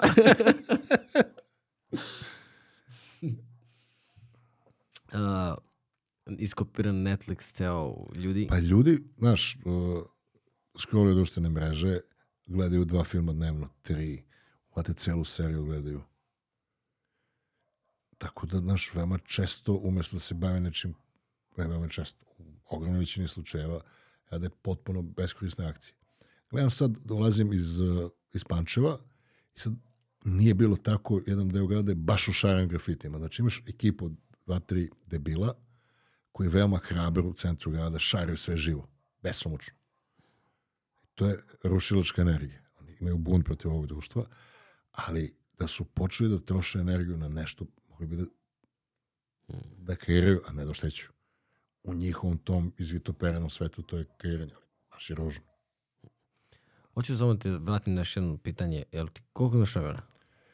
Da si pogledao. Pa jesam, pogledao sam, imam vremena koliko hoćeš, nego sam gostovao malo čas kod Vanje Bulić, mm -hmm. a zajebao sam se u putu ka Beogradu sam pričao telefonom. Umorio si se. Da, i već mi ono. Ok, ok. Ajde tebe da pitam ti da si pričaš nešto, da napunimo emisiju. Ajde, kaži mi samo, jedna stvar me zanima, pa ću ti dati vremena da mi pitaš nešto ako hoćeš. Ovaj, a, kad si rekao da, da pratiš YouTube i sve to, kaži mi, ili imaš neke, čisto za kraj da napravimo, neke ljude koji tebe inspirišu, nazvaj kako god hoćeš, ne, ne, ne, negde gde bi uputio ljude koji sad slušaju neki kvalitetan sadržaj koji ti smatraš kvalitetnim? Pa gledam ovako, trenutno sam u tački života e, gde analiziram kako si Sylvester Stallone u 76. godini u Tulsa King radi ono što radi, mislim, 76 godina ima. Potpuno je zategnut čvrst, duboko glasa, muževan I onda hoću da, uh, da saznam, saznao sam naravno, šta to rade hollywoodski glumci da nije samo fasada, nego da budu u punoj formi. I šta rade? Doći do tačke. A. To sam teo da, da ispričam, pa da ne pričam odavde, nego ću...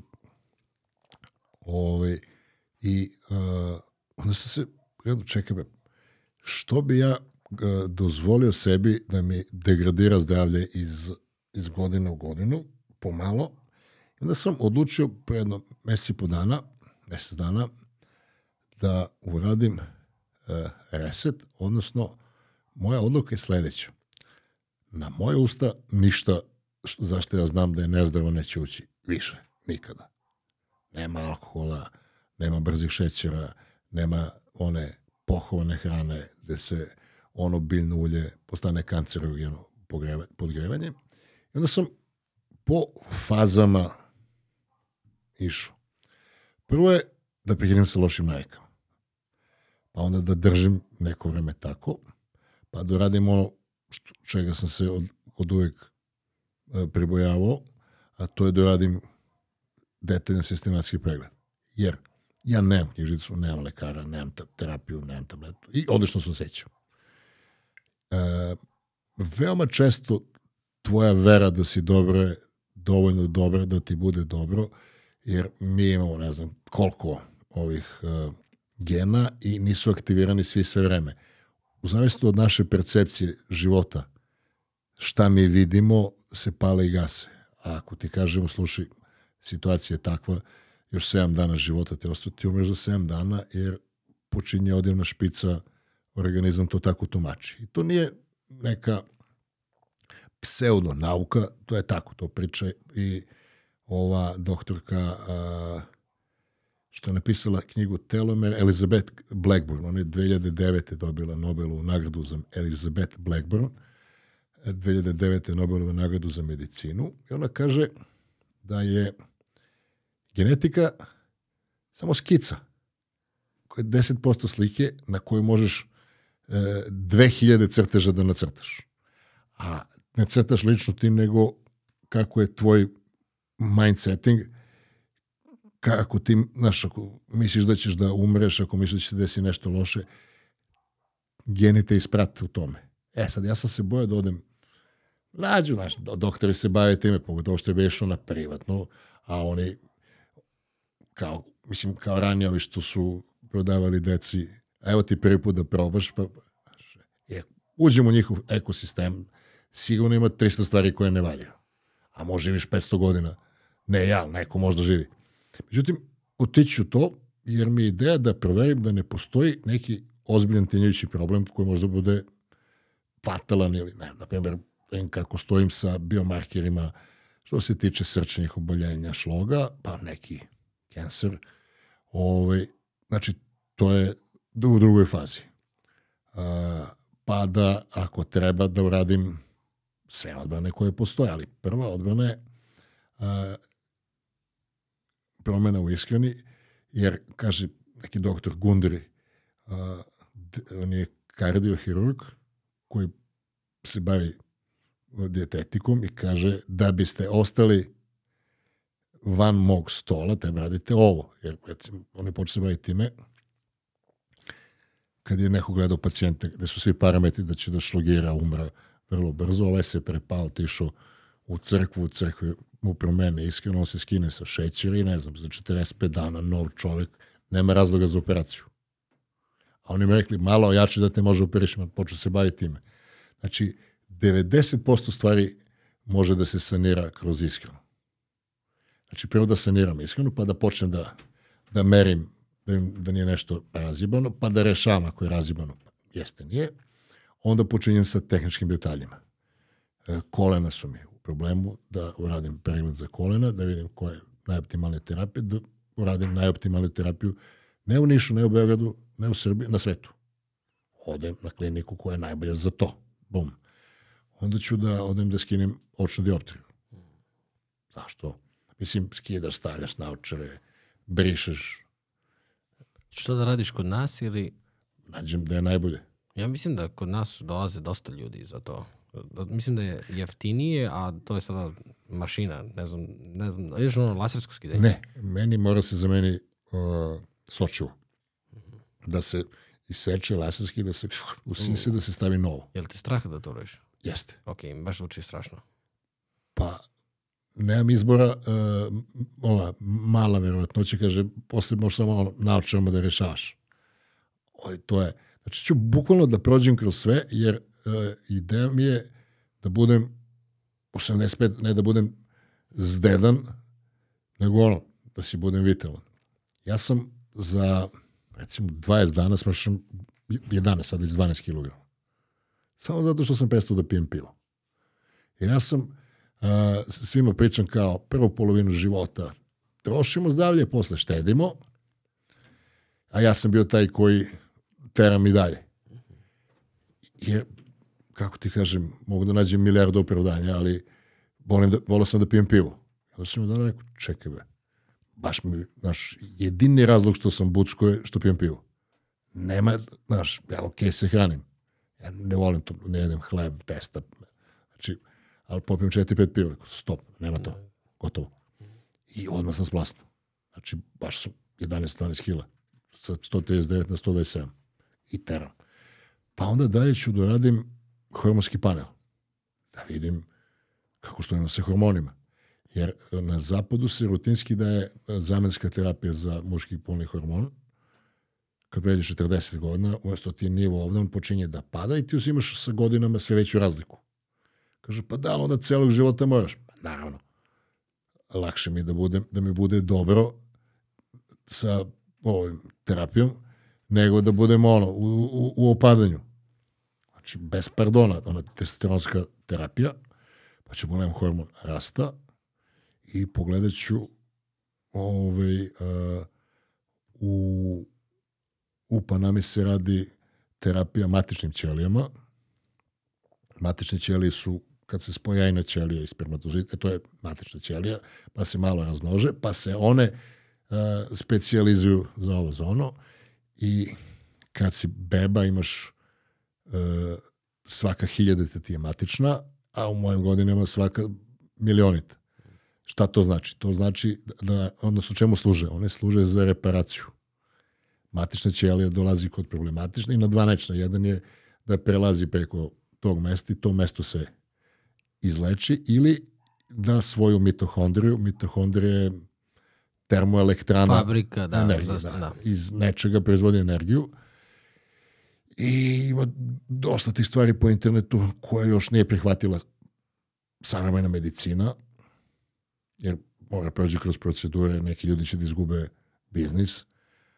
Ove, I hoću, znaš, bavim se time. Znaš, baš se detaljno bavim time i hoću u, u ovoj godini da uradim taj switch. Generalka, znači. Tako je. Mm. Tako je. Mislim, da vidim bre šta rade ove žene sa tim tretmanima za lice, ono, ne mogu baš da orosim, ali neće mi biti sramotno, znaš, ono ima ono, ne znam, kreme za ovo, za ono, jer što bi se ponašao prema svom telu kao da je tuđe, mislim, kako se ponašamo prema kolima, znaš, ja perem kola svaki drugi treći dan, mislim, ima ono ulje, znam šta kako, a ja dozvolim sebi da se zapustim. No mas. Znači, se- manjana je novi dan. Dobro. A, kaži ti meni koje još stvari gledaš na YouTube-u, šta bi rekao, osim Sylvester Stallone. Ne, nisam, gledam Hubermana, Aha. to je Huberman Lab, Peter Atija, to je stručnjak za dugovečnost i gledam Joe Rogana, pa ajde gledam onoga, uh, volim Jordana Petersona da gledam, to i gledam istorijski kanale. U, ima neki istorijski podcast. Lex Freeman ga često spomenje. Mislim da ga je intervjuisao. Poslaću ti to kad budem... Ima odličan, ali meni jako Ne znam naziv. uh, Novosadski kulturni centar, A, to je naš. oni drže tribine i ima par tih tipova koji razvaljuju kako pričaju. Znači ono, O istoriji? da, samo sednem i samo mi je lepo. Ja to mnogo volim. Eto, to je uh, Novosadski kulturni centar. Onda ima sad, ja sam sad tanak sa meni je to u, u tabovima Ne, ok, to, ovo je sasvim dovoljno informacija za nekoga ko želi dalje da traži. Što se tiče biznisa, volim da gledam Aleksa Hormozija, što se i primetilo možda u, Da, definitivno. Vrlo slično. u narativu. Njega gotivim i šta tu ima još? Odgledao sam recimo Istokov kurs u ranoj fazi. Masterclass? Ili, da, da, ja sam isto sve njegove to pogledao. To je, za mene recimo to bilo za, za blogovanje, kako istražuješ teme i tako da, ja sam samo to primenio za podcast za istraživanje tema. Vrlo, vrlo Šta beš? praktično. Pa u smislu da a, kad postavljaš recimo da ljudi ne googlaju a, ti sad hoćeš napiš neki blog, znaš, to mora da ima neku strukturu, da, da, da sadrži pitanje koje se stvarno googla, a da ne bude sad meni šta je bilo simpatično da kažem. Tako, tako recimo za podcaste, za moje naslove, idem nešto što će neko, kako da se probudim, odmoran. A u smislu da bude uh, Tehnički. search Tako je, optimized. da, te, te stvari i tako dalje, to je stvarno bilo jako korisno. Nji- njihov masterclass je ono, fantastičan, fantastičan. Uh, gde ljudi da te pronađu, mislim, to je sada, ali ovaj, imaš neki sajt nešto isto što bismo mogli da ostavimo link? Sve, sve nalaze na prvo kucanje Milan Strongman. Sve izađe. Sajt je milanstrongman.com. E, uglavnom komuniciram kroz Instagram i kroz moju Strongman Only Method aplikaciju. Znači, iznenadit će se i ovaj, kad ukucaš sa svih strana sve. Dobro, znači imaju linkove i to. Puštam te samo zato što si gledao, gledao na sat, ali sam smat, uh, planirao da, nam, da mi ovo bude najduži podcast. Teo sam da uđem u 6 sati, ali ostavit ću to za sledeći put. Pa pusti na slow motion. Pazi, izašao sam iz viroze. Ovo mi je prvi dan da se nisam zabrinuo da li sam prdno ili, ili sam promenio ime u Strongman Seronja. To je prvi dan, bukvalno. I ne mogu. Dosta, dosta, ne, puštam te, puštam te. Hvala ti. Jel imaš što ćeš da dodaš? Odlični ste. Ti je bilo prijetno? Jeste. To je najbitnije. To je najbitnije. Sve super. Sve po pesu. Hvala ti puno. Drago mi da smo se upoznali. Inače. Ej, meni, ja se isto Ovaj. ponašam kao da se znamo, mislim. Da, da, da. Gledam te. Ovaj, hvala svima vama koji ste slušali i gledali ovaj podcast. Najbolji način da nas podržite jeste da se prijavite na YouTube kanal. Drugi najbolji način jesu PayPal, jednokratne donacije i Patreon. I u opisu možete da vidite linkove ka našim sponzorima i da ostvarite 10% popusta uz kod Kosovo. Vidimo se sledeći put.